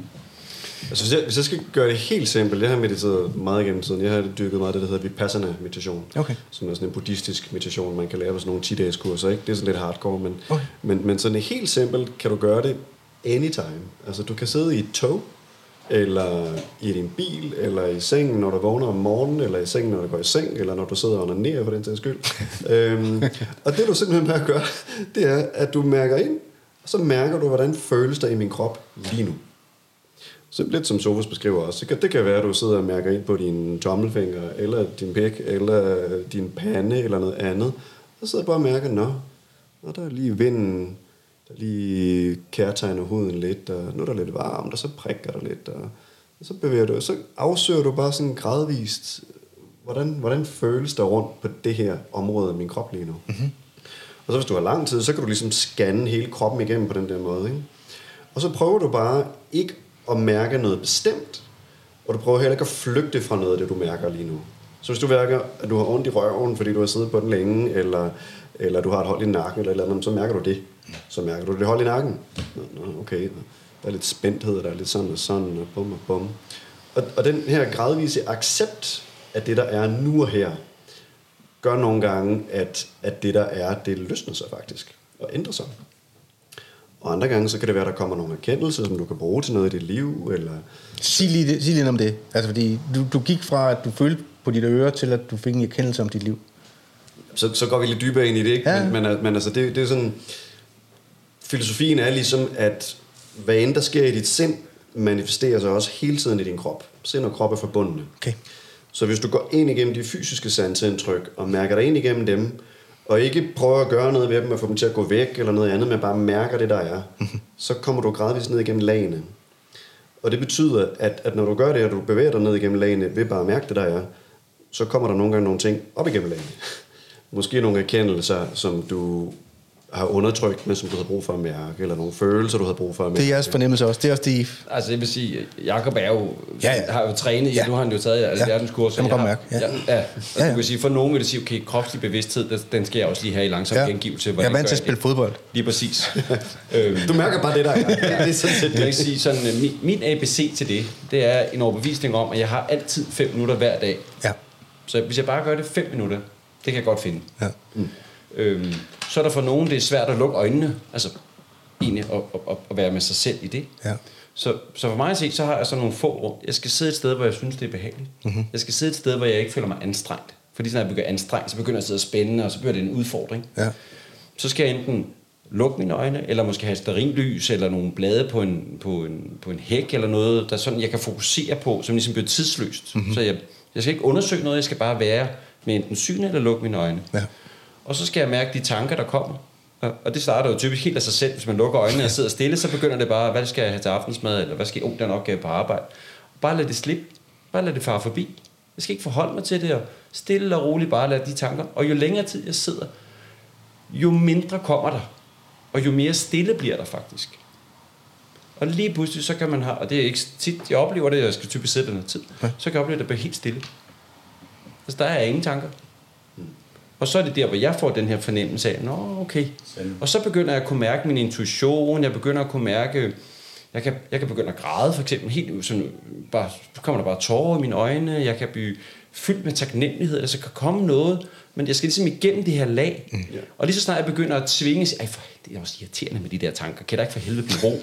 Så sker der Nul. Nul. Bare nødt til bare at være og være med det og sige, okay. Og i dag var der nogle gange, så når jeg det ikke, og så siger okay, i dag var det der, hvor der var tanker. Ja. Men jeg gjorde, hvad jeg kunne, og jeg satte de fem minutter af Ja. til bare at være mig. Og det går jeg så videre med. Den taknemmelighed for, at jeg faktisk gjorde det. Så er, der, så er der sådan nogle andre måder at bruge det på, og det er der nogen, der vil være uenige i er en meditation. Jeg, havde et kaffemøde med min eks. Øh, vi havde et kæmpe skænderi i går. Det er faktisk lang tid siden, vi har skændtes. Jeg synes, vi bliver bedre og bedre. Men jeg, jeg skældte ud, og jeg var faktisk jeg var ikke på min egen banehalvdel i går. Og jeg havde det dårligt hele aftenen over, at jeg havde ligesom rykket over på hendes banehalvdel, og havde skældt hende ud. Hun havde også været unfair, så hun fik... Altså, jeg er egentlig ikke dårlig samvittighed, men, men det var bare sådan, prøv at være bedre end det. Så jeg satte mig også til morgen og sådan tænkte, okay, hvordan kan jeg møde hende i dag, hvor jeg har styr på mit eget shit, og hvor jeg har ryddet op på min egen banehalvdel, og hvor jeg ligesom kan møde hende, mm. anerkende hende for det, hun gerne vil, også sige til hende, hvad jeg synes er grænseoverskridende hendes adfærd, undskyld for, at jeg røg over, og så prøve at finde en konstruktiv løsning. Så man kan også sidde og koge i bagenden af en meditation, for ligesom at sige, okay, nu begynder du at vågne op til dagen, de udfordringer, du kommer til at møde, hvordan har du tænkt dig at møde dem? Som et lille trigget barn, eller, eller kan du sådan lige mm, sende, Stå i kan du møde det? Ja. Ja. Ja. ja, så det, det er vel i virkeligheden bare det der frirum, man giver sig selv. Ikke? Det kan meditationen være, og det kan mandegruppen være. Ja. Til at lige tage en distance til alt livets kaos, og rent faktisk lige på, få processet tingene lidt, ikke? så man møder dem med lidt mere bevidsthed, lidt mere overskud. Ja. Og det giver ofte nogle bedre løsninger. Så lidt mere bevidsthed, altså lidt mere, hvor man selv er i kontrol over, hvilken vej tingene går. Ja, og i kontrol over sine egne reaktioner. Ja, ja, Altså, ja. Jeg har måske også stå stærke, hvad er det, jeg gerne vil? Ja. Ja. Altså, fordi vi er jo hele tiden påvirket, særligt hvis du har børn og kone og, og Ja, ja, ja, ja. arbejde. Der er hele tiden nogen, der vil dig noget, og Facebook. Du har hele tiden et eller andet, du gerne vil forholde dig til. Ja. Og jeg kan da mærke, at nogle gange drukner i, hvad er det egentlig, jeg gerne vil? Ja. Altså, hvad er, min, hvad er min autentiske lyst eller behov, eller hvad står jeg faktisk for? Og det synes jeg faktisk, det hjælper mig til. Sådan lige at grounde på. Nå, okay, nej, det har jeg faktisk ikke lyst til. Nu kommer det jo faktisk lidt til at lyde, som om vi er pisse gode og verdensmestre og sådan lidt lækre på den måde. Altså, en ting, der faktisk er sjovt ved at lave det her projekt... Det må man da også øh, være, man? Ja, jo, jo. Men det, det er en ting, der faktisk... Og det er måske sådan en ærlighed, vi kan dele på bordet, så kan I lige øh, sige, hvor ærlige vi synes, vi skal være. Men, men at, at lave et projekt som Mandelejren, Mand 21, Ja. øh, vidste jeg fra starten, ville blive mega udfordrende. Fordi du, du samler ikke et lille team, som har en leder eller en guru, og så løber man alle sammen i samme retning. Du samler x antal mænd, som er meget forskellige. Ja. Og det er lidt, vi skal lykkes. Mm.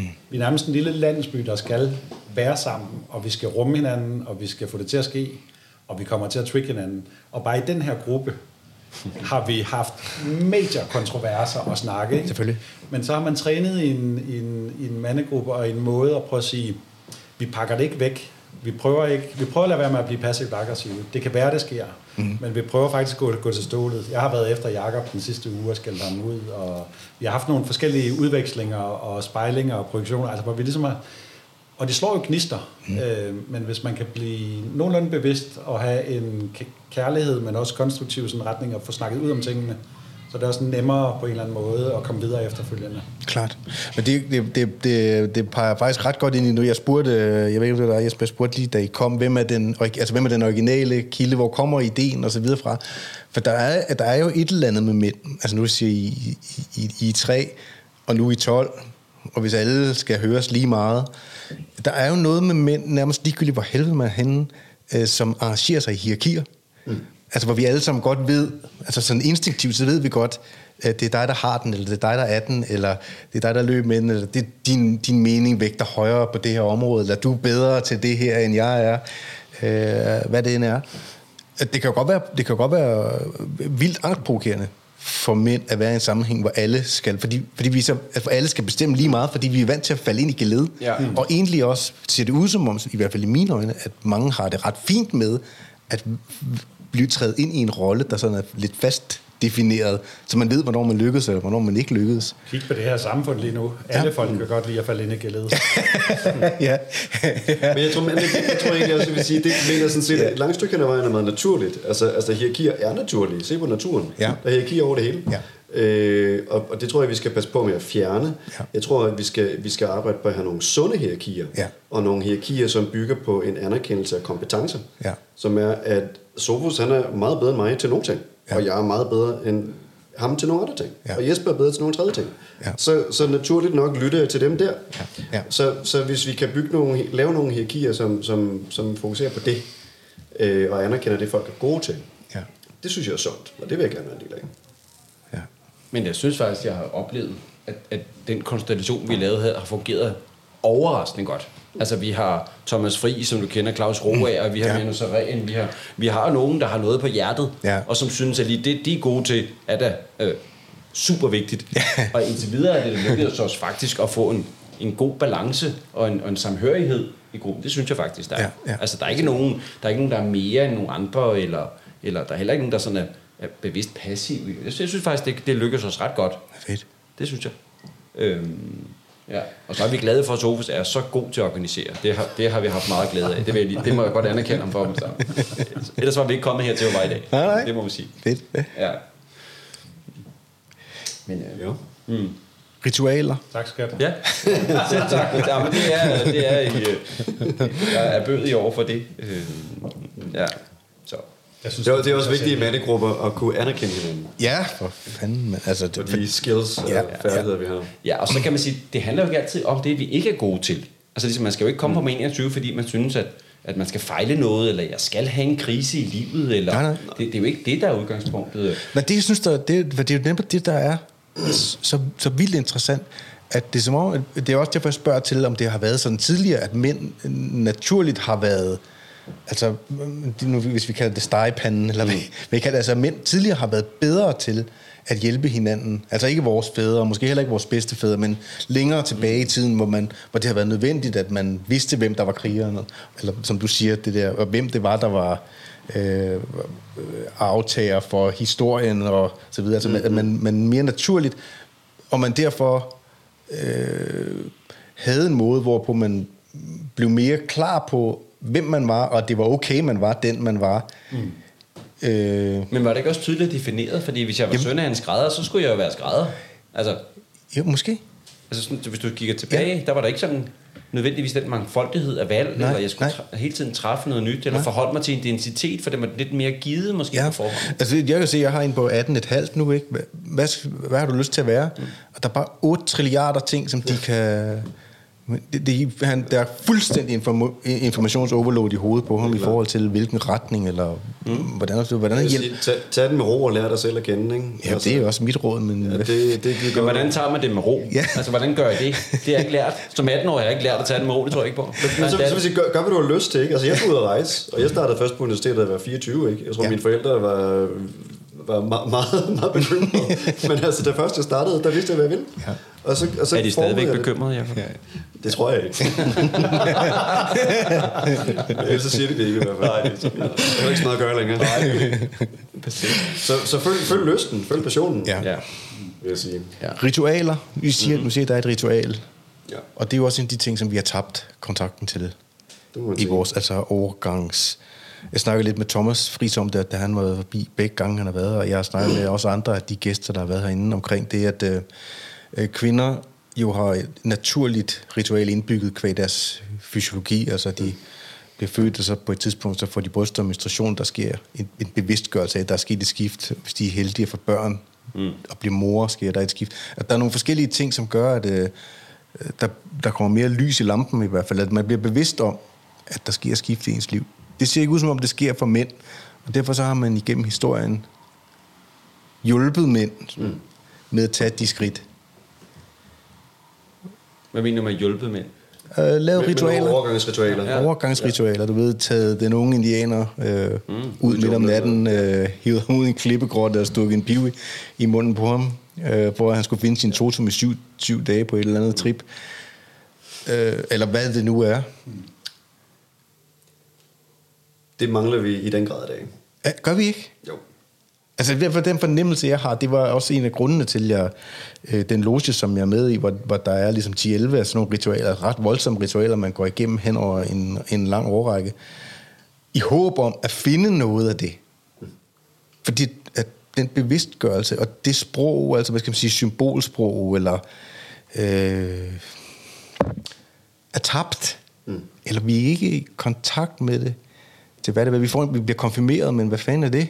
Det er konfirmationen, der er det sidste, eller det eneste, der vel egentlig er tilbage i vores kultur, Må- må- som ja. mændene møder. Ja, Så måske måske gift. For, Ja, for må- nogen er der måske noget med at, med at tage i hæren, ikke? Altså sådan, der, der, der sker et eller andet der, ikke? Der er en markant overgang. Ja. Men der er trods alt ikke så mange, der gør. Men adgang, adgang til visdom, eller adgang mm. til noget, der er, stikker dybere end bare det, at man...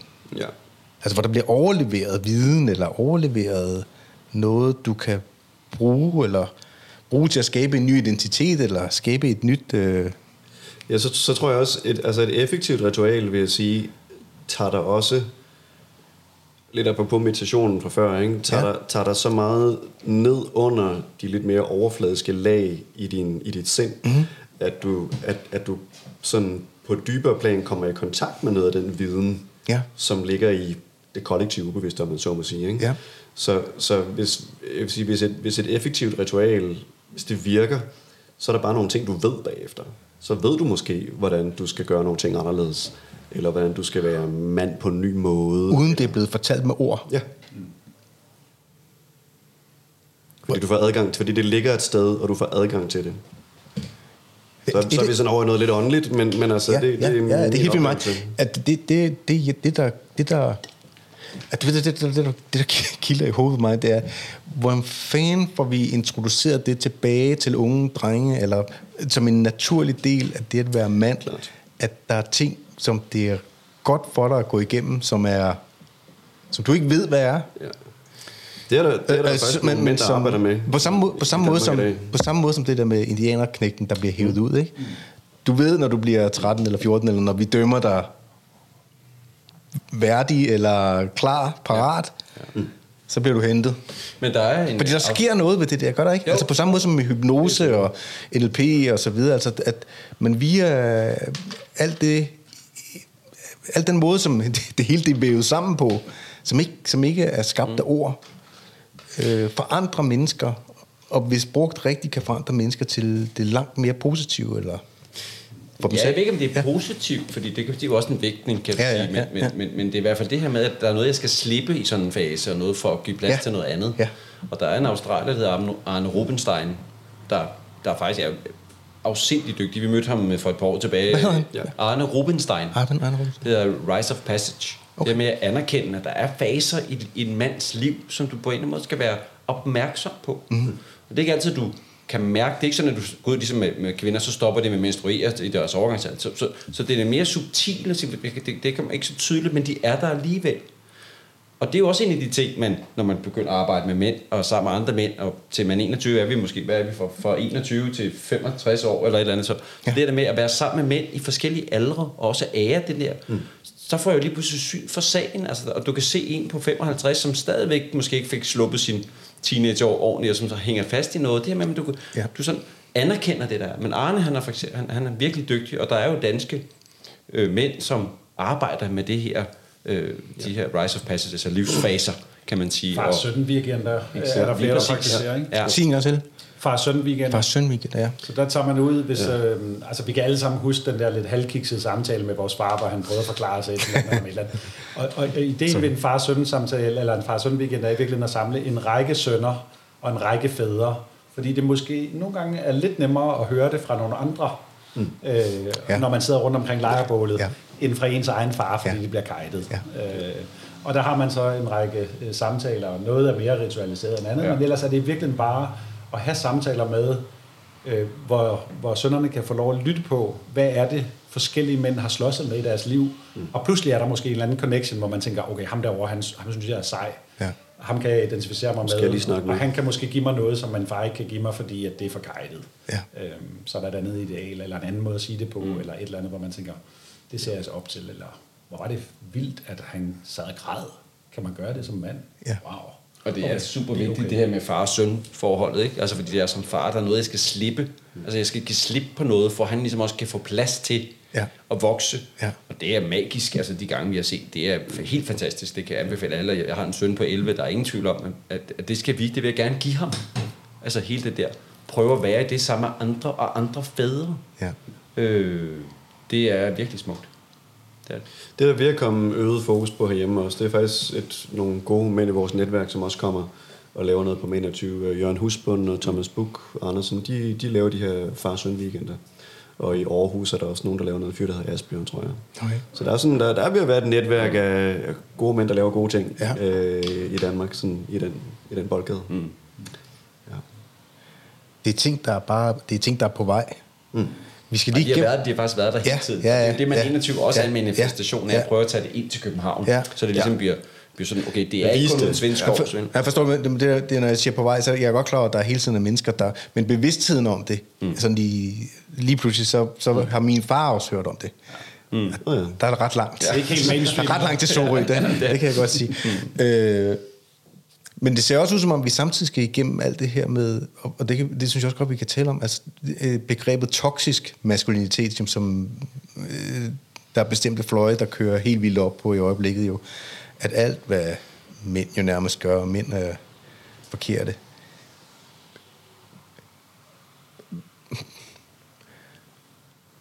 Er mænd, altså er mænd sådan per default onde, eller hvad?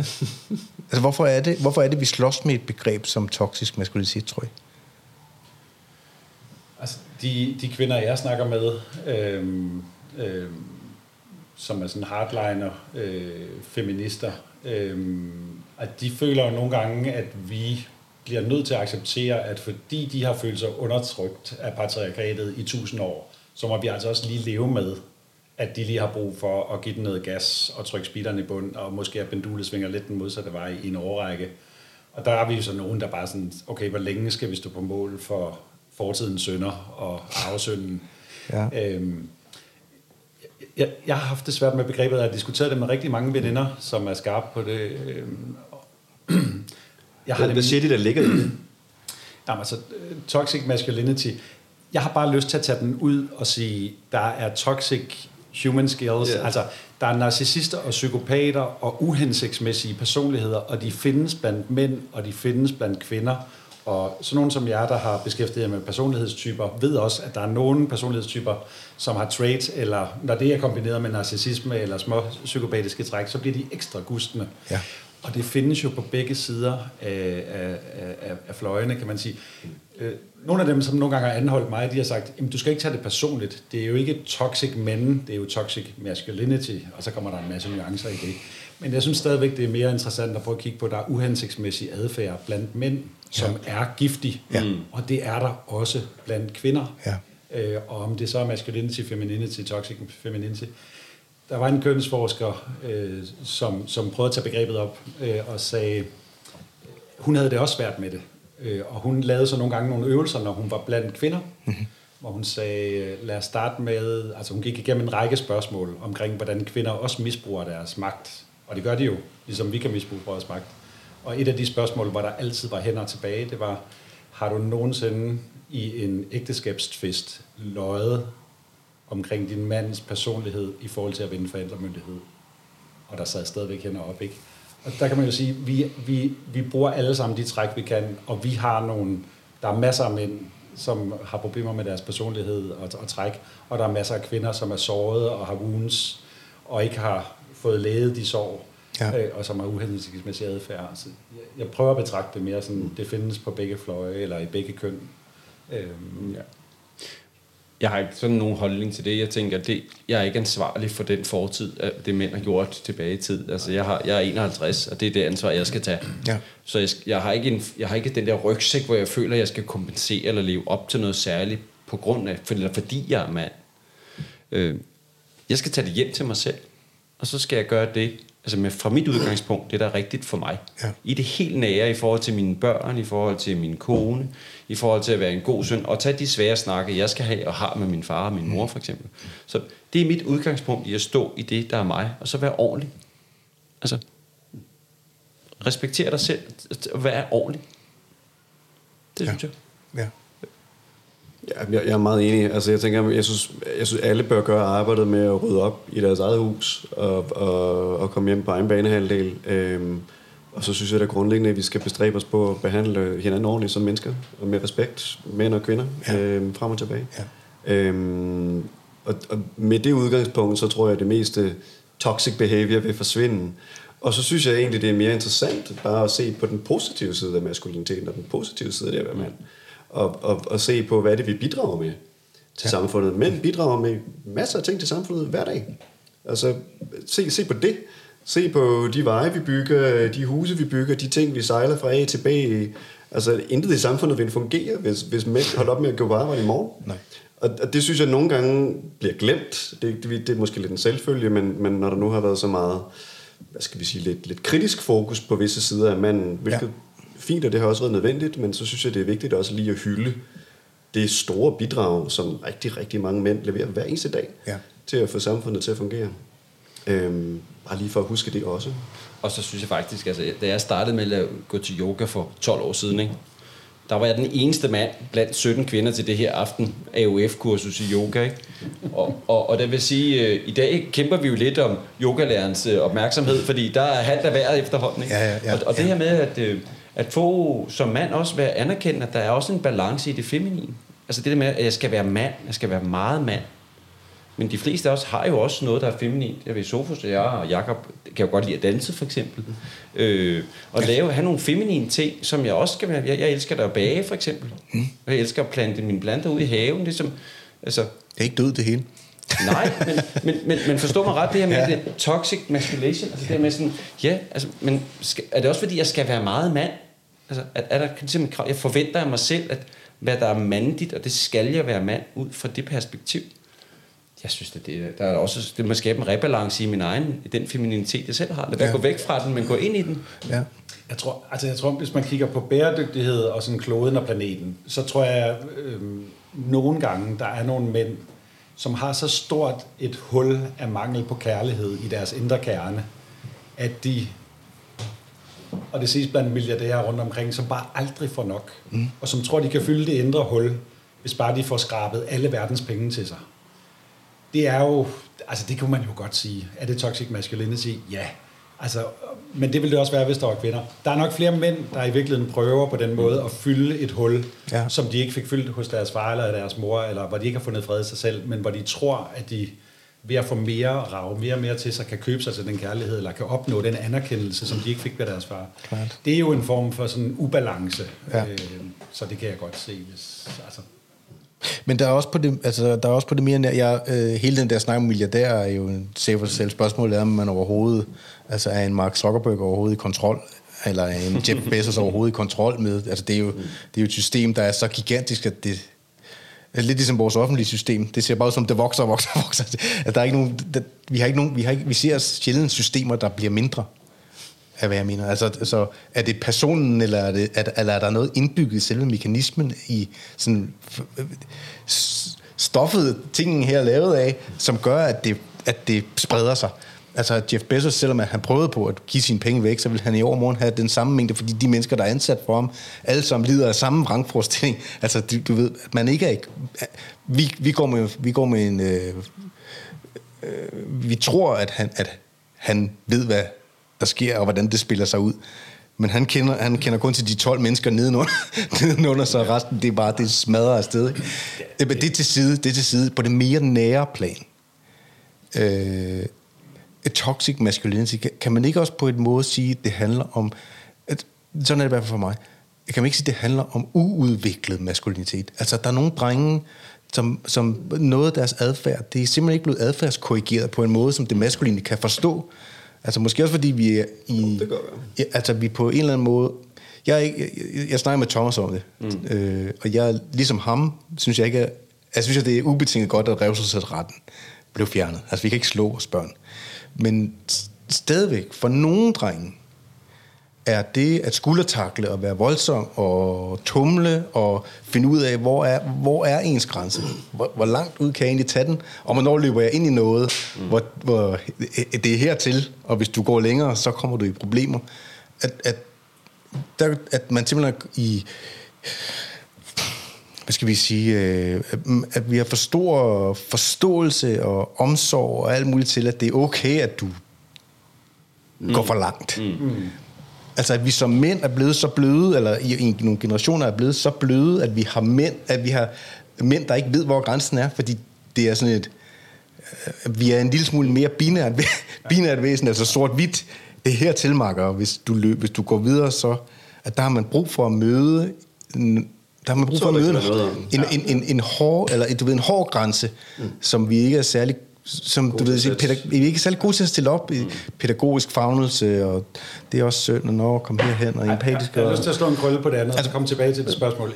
Jeg kan godt forstå, at der er nogle kvinder, der synes, det er toxic masculinity, at Jeff Bezos har travlere med at rejse til Mars og Ja, det, kultivere ja, det, ja, det måske. Og, øh, ja, det er dem begge to. Okay. Bezos startede det. Okay. Øh, har travlt med at rejse til Mars, i stedet for at bruge sine penge på at redde den her planet. Ja. Altså, det er en eller anden form for childish, spoiled, uh, wonder kid uh, ubalance. Men der ved jeg ikke, om jeg er helt enig. Nej, det er Ja, fuldstændig. ja. Altså, det, det, det jeg godt. Det, det må vi tage. Det er en separat podcast. Det er en separat. Det tænker jeg også. Øhm, Tilbage til Men, men, men hvis ikke der var nogle mænd, der havde sat nogle vilde visioner op og gået efter dem, så havde vi heller aldrig haft den situation, vi har i dag. Det er rigtigt. Men kombinationen af for meget energi, for mange penge og maskulin mindre værd, det er altså en dårlig Det er nemlig det, jeg mener, men, Det men, men, men det starter det ikke med, altså starter det ikke med, at øh, den, den side med at være voldelig, eller slå kvinder, eller være et dumt svin, og så. Altså alle de der traits, som vi vil, mm. alle normale mennesker kan være enige om at sige, prøv at høre, du er bare for meget, du, du er bare en idiot. Øh, også kommer af, at vi ikke har været, at vi ikke er særlig gode til at hjælpe knægte til at blive mænd og blive jo. sunde mænd. Og, og vide, hvad der er rigtigt, og hvad de skal sigte efter, og hvornår de går forkert i byen, og hvornår. Altså, og så begynder man i stedet for, fordi man ikke kan finde det sammen med almindelige sunde mænd, og sund maskulinitet, så mange af dem begynder at lede efter det i kriminelle miljøer, eller i øh, ja. grænsesøgende adfærd, eller du ved, bliver domin- faktisk... dominerende spasser i deres forhold, og synes, de skal Altså alt muligt lort går i gang. Eller hvad? Jeg kan bare huske en gang, hvor vi havde Jakob på besøg i min mandegruppe, det her med, at uh, så invitere det der med slås, altså fysisk styrke ind ja. som en del af det, og det er, altså, fordi hvor gør jeg, er, er jeg vrede, og ja. hvordan kommer jeg ud med den, øh, bliver jeg passiv-aggressiv og sådan ting, og der synes jeg i hvert fald, at det, det har virkelig været øh. Det er jo dejligt at have sådan et sted, hvor man kan få lov at bare ja. give den gas. Altså, det er jo det, at mærke sin, sin ja, rå kraft, ja. ikke, og hvor det er okay. Ja. Jeg tror, en vigtig krølle, jeg får lyst til at spænde på den, du lige sagde der også, var det her med, at jeg tror, at rigtig mange af de mænd, som ender med at blive mm, destruktive og måske voldelige i deres parforhold og alt muligt andet, han, måske handler det om, at de ikke har lært at håndtere deres følelser, deres vrede og deres reaktion. Mm-hmm. Det kunne de nok have brug for nogle mænd, ældre mænd til at lære dem og hjælpe dem med. Men en, en vigtig del er også den her rite of passage, den her overgangsrite, som vi mangler fra, fra stor dreng til ung mand, hvor at du bliver adskilt fra din mor og får klippet den emotionelle og energetiske navlestreng. Fordi den er utrolig stærk. Og, og hvis ikke du får klippet den ordentligt, jamen så, så tager du ubevidst dynamikkerne fra din relation med din mor med dig ind i dit parforhold. Og din relation med din mor er jo alt andet lige en relation, hvor at hun havde noget mere magt end dig, fordi hun var din mor, og hun Klar. var den voksne. Ikke? Klar, ja. så, så du var under hende på en eller anden måde. Ikke? Hvis, du tager den, hvis du tager den dynamik med dig ind i din relation med din kæreste, så på et ubevidst plan, vil du ligge lidt, føle dig, at du kommer til at ligge lidt under hende, og så vil du måske have behov for at hæve det der. Og så får du sådan en, en, en, en underlig dynamik, hvor du egentlig måske på ubevidst plan egentlig føler dig lidt underlegen, men har brug for at hæve dig og sætte ja. dig over. Ja, ja, ja, ja. Og det bliver noget råd. Og den, og den tror jeg, der er, der, der er mange mænd, der er fanget i, fordi at, det er ikke sagt, at alle mænd, der har det sådan, bliver aggressive, men, men, men det, bliver, det bliver noget sovset noget, fordi at man aldrig har, har fået lavet det der cut og, og fundet sin maskuline identitet uafhængigt af det feminine. Det er meget enig i. Mm, det er også. Det er en stor ting, vi mangler, mm. og det er noget, som et, et, et mandefællesskab som mand 21 kan, kan hjælpe dig med, at hey, wow, her skal du bare være mænd sammen med andre mænd, ja. ikke i relation til det feminine. Og derfra kan du så møde det feminine fra et meget stærkere, meget mere centreret og meget mere bevidst sted. Ja. Der er i virkeligheden to positioner. Der er mændene, der aldrig slipper væk fra deres mor, mm.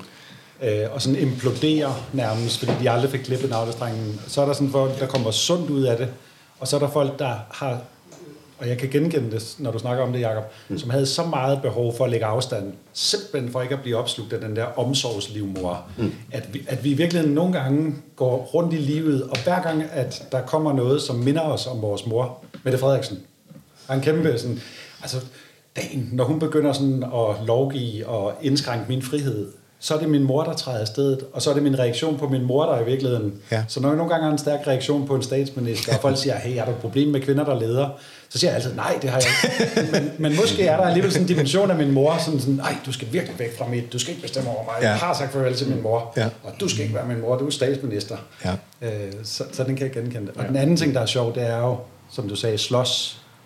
Øh, der er en kæmpe forskel, også når vi mødes på en mandelejr, som vi gør nu her, på folk, der har haft sunde drengefællesskaber, eller sunde brødre at slås med. Jeg slås enormt meget med min bror. Ja.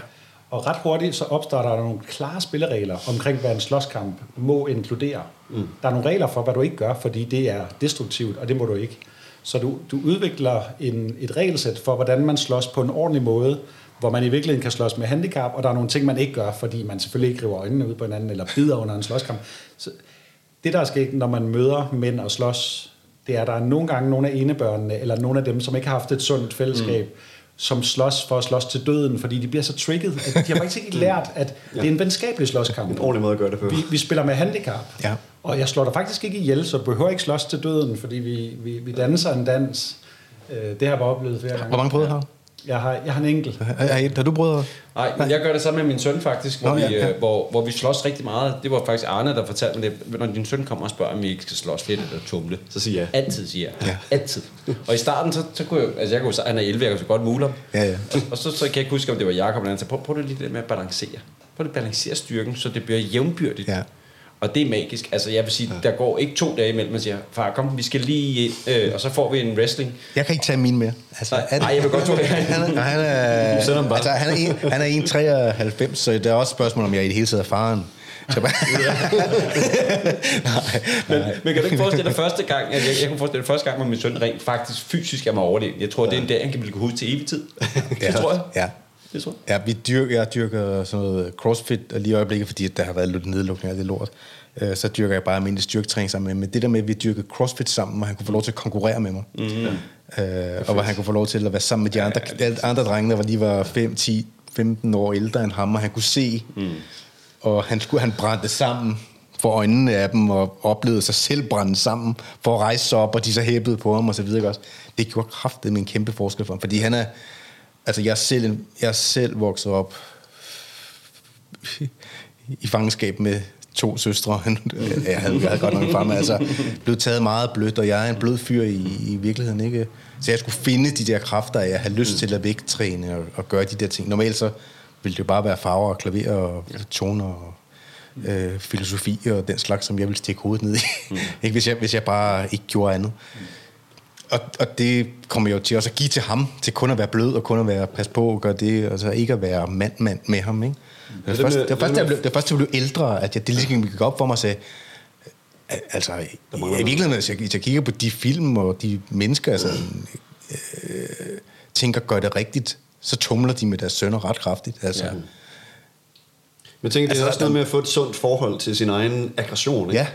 Altså, og jeg tænker, Jesper, det du beskriver, du gør det med, med Andreas der, ikke? Altså, det, det, jeg tænker også, det giver ham et sundt forhold til, til en autoritet, som du jo er for ham, ikke? At han, han kan faktisk gå til dig, Ja. og det er okay, Ja. og du kan håndtere det uden, at du smadrer ham, Ja. og du kan også godt rumme, at han kommer med det, ikke? Ja. Altså, det er sådan, nå, okay, du kan møde ham i det, ikke? Så er det Ja. okay. Ja. Og, så, og så bliver han også mødt i, at den side af ham er okay, ikke? Ja. Mm. Og hvordan- tænker, det er utrolig vigtigt. Hvordan, for det, det var så et spørgsmål, hvordan kan man så translate det til også at være, du ved, både på det følelsesmæssige og på det intellektuelle niveau sammen med dem, at de, at de kan få lov til at gå til en, at de ved, at de kan, de kan komme med alt, hvad de har, og man er parat til at wrestle med dem med, med hvad man så selv har. Og på et eller andet tidspunkt, så har han jo også taget mig på nogle af de, altså på nogle argumenter, blandt andet om bæredygtighed og så videre, hvor man, hvor jeg, hvor man bliver reaktionær eller et eller andet. Så bare, tre kvarter efter, så ja, men du har ret. Ikke? Altså, du har jo ret, jeg ved det godt. Mm. Jeg, skulle bare, jeg skulle bare se, hvor langt du kunne tage den. ja, ja. Men jeg vil bare sige, det, det er, der er to ting, der er sket hjemme hos os. Det ene, det er, at min datter på 13, og hun er virkelig stærk. Okay. Så vi gør det også. Ja. Ja, fedt. Og uanset øh, hvem er det, vi gør, når vi først er færdige, altså jeg, jeg bliver træt før dem, Ja, altså, ja. Øh, men når vi så ligesom først er færdige, så ofte så får vi nogle fantastiske snakke derfra, fordi de ligesom, der har været noget i skolen, der har været noget andet, de sådan lige skulle have ud igennem Ja, kroppen, ja, som, ja, hvor ja. gør man det, hvis man har haft en dårlig dag? Ja. Og så kan vi ikke have de mest vidunderlige snakke efterfølgende. Ja. Fordi, og jeg er træt, altså, eller, altså Ja. ja. jeg føler mig sådan lidt, Ja. ja. så jeg sådan også falder ned i min egen krop og bliver rolig. Vi har de dejligste samtaler derfra. fedt. Det er virkelig godt. Ja, så så det, det er næsten dagligt, der sådan, når jeg kommer hjem, sådan, hvor den ene eller den anden lige kommer. Øh, og, og, vi har jo også haft det her med, at øh, så siger Sindre, når vi slås, jamen, øh, altså, vi kan jo komme til at bløde. Og der, når vi slås jo sådan relativt fysisk, så Ja, ja. på et tidspunkt er der noget, der gør ondt, og så begynder man at græde, og så kommer man ud, og så kan man sige stop, og så går man ud, og så lader man være, og så kan man lige puste ind, og så kan man komme ind igen. Og, og, og der var en gang for en måned tid siden, så siger okay, vi, slår, vi stopper først. Den første, der bløder, har tabt. det var sådan, og Andreas, så det, blev- det siger, okay, det er okay. Og så sker det hverken værre eller bedre efter fem minutter. Så det dig, eller? Ja, det er mig, fordi han får mig på min læbe, okay. og så siger han, jeg vandt, far. Det, det er en farlig spillerregel. jeg tror også, den stopper en så længe, fordi han bliver, bliver en stor dreng. Ja. Jeg har haft et par kærester, som elskede at slås. Ja. Det var også skægt. Ja. Men det er jo mere seksuelt. Ja. ja. Ja, det har vi faktisk slet ikke, det har vi faktisk slet ikke berørt, det her med seksualitet, altså lige andet end til at starte med. Det, altså det fylder jo virkelig også meget i menneskers liv. Får jeg nok, er det, er det den rigtige slags? Hvor meget vil du være med til? Hvornår, hvor er din grænse? Hvornår bliver det farligt? Hvornår bliver det kedeligt? Øh, monotonien?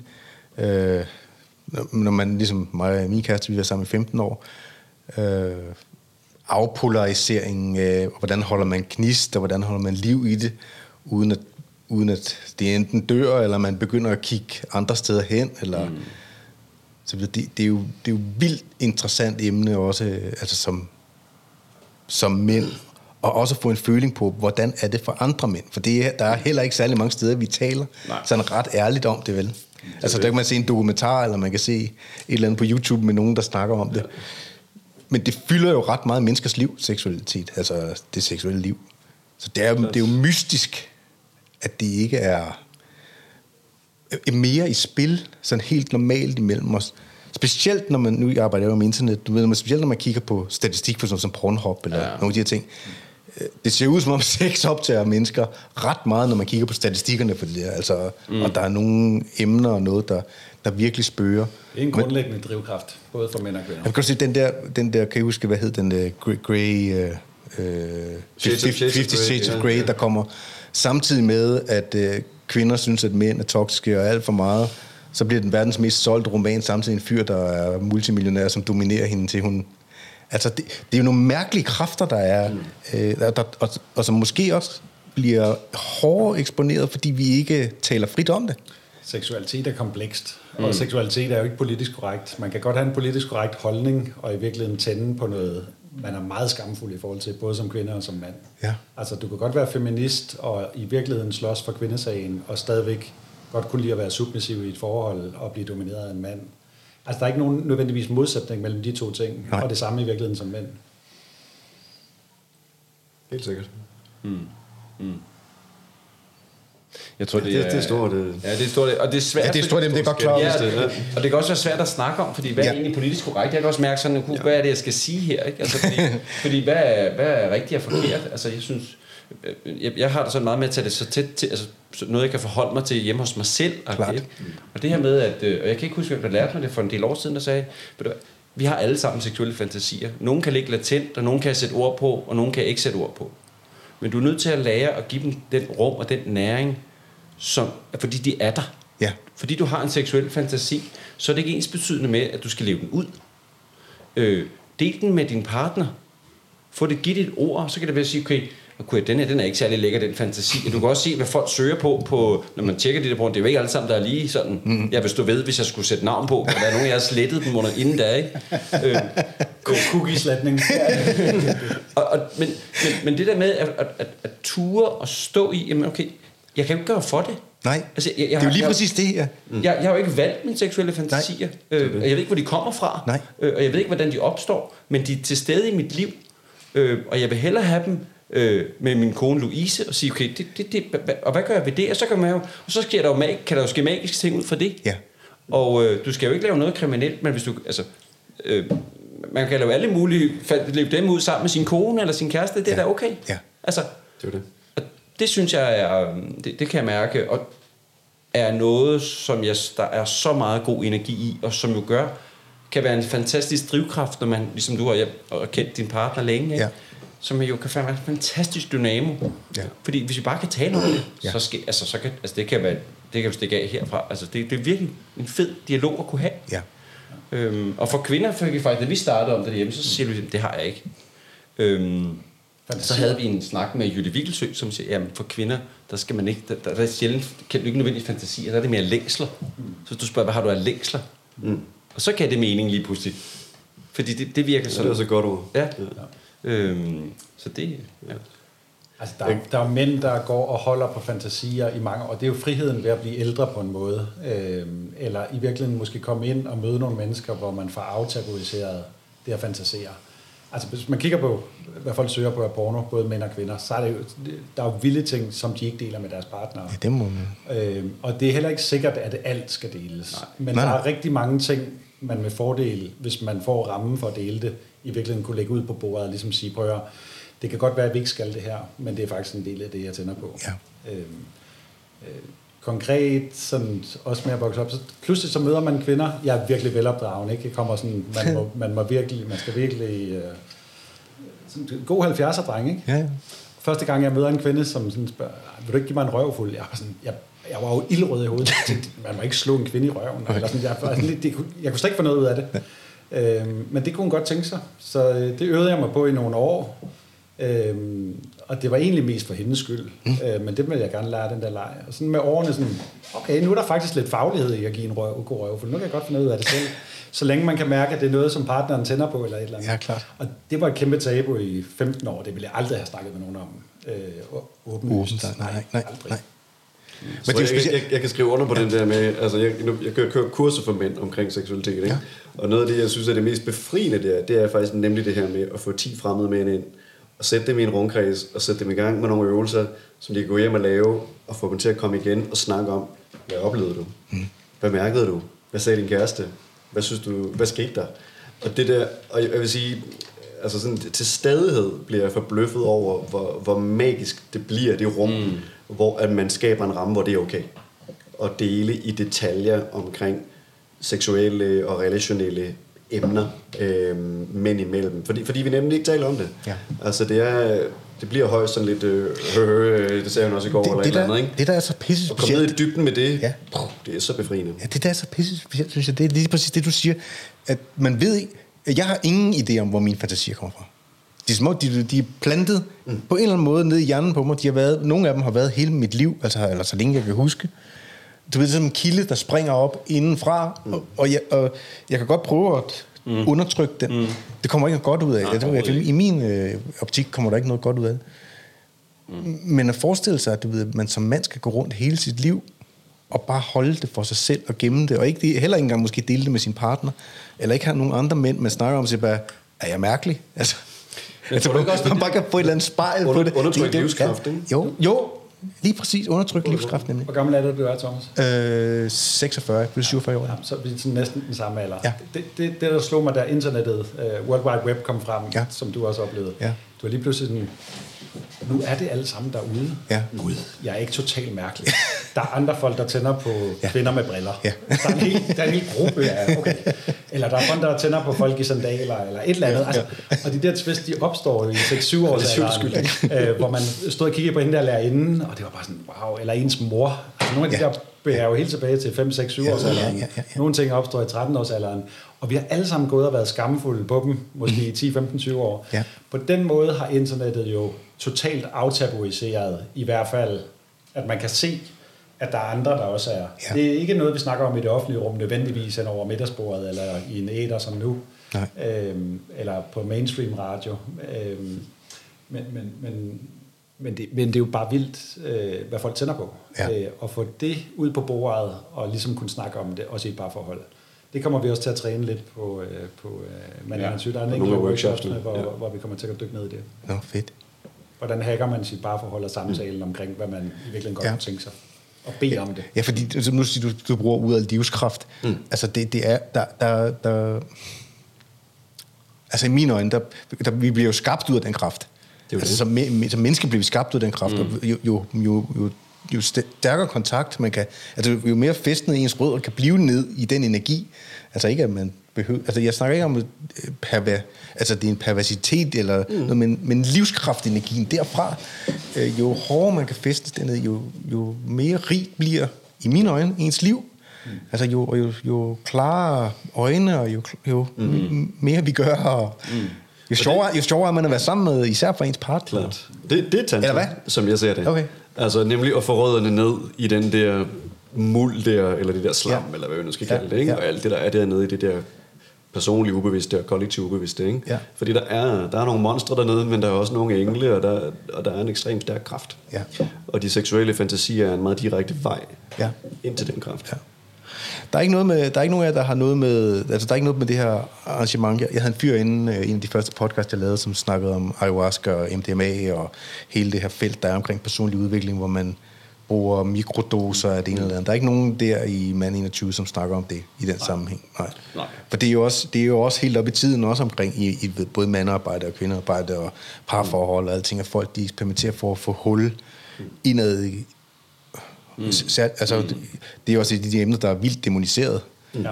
Altså, som der jo i virkeligheden ligger kæmpe potentiale for mennesker i, men vi har kvæg 60'erne og hvad fanden der ellers skete der, har fået lukket helt af for. Øh, Jeg tror, der er masser af ting, man kan gøre med, med, med, med forskellige naturprocesser, hvis de er holdt ordentligt. Ja. Det er ikke noget, vi kommer til at eksperimentere med Nej, nej. på, på mand i Nej, 20. nej. At- Nå, men det var, godt, nej, det var, det var heller ikke, fordi jeg mente, der var nogen, der skulle tage stoffer derud, men det var godt, at der var nogen, der talte om... Øh, Det er sjovt, lige når du siger det, så kommer politiet faktisk. ja. Nej, det er der ikke, men der kommer, en, øh, der kommer en workshop med noget, der hedder breathwork, altså ja, åndedrætsøvelser. det har lidt det samme øh, Ja, det- smag, jo. Ja, ja. Det kan jo Ja. ja. sådan ved, ved, ved den øh, teknik og måden at gøre det på, kan du godt få den der sådan, følelse, Ja. ja. som avaska eller, eller Ja. ja. svampe, eller hvad man nu Ja. kan. Sådan, så du kan godt få den, kroppen kan godt skabe noget, Ja. ja. noget kemi, som giver dig en lille snas af samme ja. fornemmelse. Altså, jeg har ikke prøvet... Jeg, jeg, jeg, ville gerne prøve, mm. men det er jo ikke lovligt her i landet, så jeg, selvom at jeg, så kunne jeg ikke sige, at jeg havde prøvet. Men jeg har ikke prøvet. Altså, så, Men det, der er mange måder at åbne sindet på, ikke, kan Ja. man sige. Og, og jo, visse psykoaktive substanser kan bestemt noget, men det er også det er dynamit, ikke? Jo, jo. Som, som skal behandles øh, Ja. ja. opmærksomt. Ja. Ja. Så, og der, man kan gøre meget med breathwork og sharings og Ja. ja. ritualer og hvad vi ellers laver. Mm. Ja. Absolut. Er der noget, vi har glemt i forhold til mand i nation? Vi glæder os til at se dig. Og din søn. ja, og min søn. Ja, hvornår er det, det er? Vi skal lige have sat fakta på plads, sådan så folk. 25. til 27. juni. Juni. Ja. Og det er i København. Ja. Ja. Teateren. Til, ja, Som er på spidsen af Refsaløen. men man kan ikke være der, man kan ikke være der 24 timer i døgnet der. Jo, det vi, kan man kan godt købe en soveplads. Ja. Nå, det kan man Man godt, kan ja. godt overnatte derude i en sovepose. Ja. Okay. Og, og overdækket og så videre, altså. Ja, ja mm, okay. indenfor, ja. Hvad koster det at være med? 2800 kroner cirka. tror jeg. 27, 95. Så så er der Ja. ja. studenterrabat. Jeg tror, det koster 21 for studerende. Og hvad med mad derude? Og... Det er inkluderet. Inkluderet. Det er inkluderet i prisen simpelthen? Okay. Meget billigt. Ja, det, er, det er en god deal, vil jeg sige. Ja. Koster lidt ekstra, hvis du er overnat. Det er det 300-400 kroner ekstra for en sovepose, ikke? Ja. Ja. Men ellers ja. Og det bliver virkelig lækker mad. Altså, Perfekt. Så det, er- det er det. Ja. Og jeg tænker, fordi det vi godt kunne tænke os for os tre her, jo, som jo var, øh, var hele grundstenen i det her, det er, at, at vi, hvis du er nysgerrig, og du øh, mangler lidt mod, jeg kan jo mærke, øh, nu er jeg jo i en, en, i sådan en stor finansiel koncern, at, at det er jo mange gange, øh, det er jo kvinderne, der kommer, ej, det er et godt initiativ, I laver der, Jesper, og sådan, og jeg har prøvet, og min mand har prøvet sådan at gøre ham nysgerrig. Og det er ikke så mange mænd, der kommer, og sådan siger, nå, det, jeg skal også med. Så det virker som om, at der er rigtig, mange, der, der er rigtig meget nysgerrighed omkring det. Mm. Og, øh, og jeg synes, hvis, hvis, hvis, hvis man kan mærke lidt nysgerrighed, og man øh, kan finde lidt mod, øh, så skal man da godt. Vi er, vi er garanteret, at det bliver et helt fantastisk event, og vi har fået fat i nogle helt fantastiske mennesker, som jo har givet utrolig meget energi og visdom i det her, mm. og vi, øh, altså det, vi, vi glæder os helt vildt øh, til at få det op. Det har måske, lige nu står vi jo sådan i den, den organiserende, sådan organiserende gruppe, hvor vi, øh, der, der er jo mange praktiske ting, der skal klares, faktisk, ikke? Ja, ja, øh, så, øh, oh, virkelig. Jeg vil sige, altså det er naturligt at have modstand på det her. Ja. Jeg vil sige, øh, selvfølgelig skal man kun komme, hvis man har lyst, men det er, øh, det er måske den største gave at få, hvis man har en lille smule modstand på det. Ja. Fordi så er der noget på spil, og så er der noget at brække ind.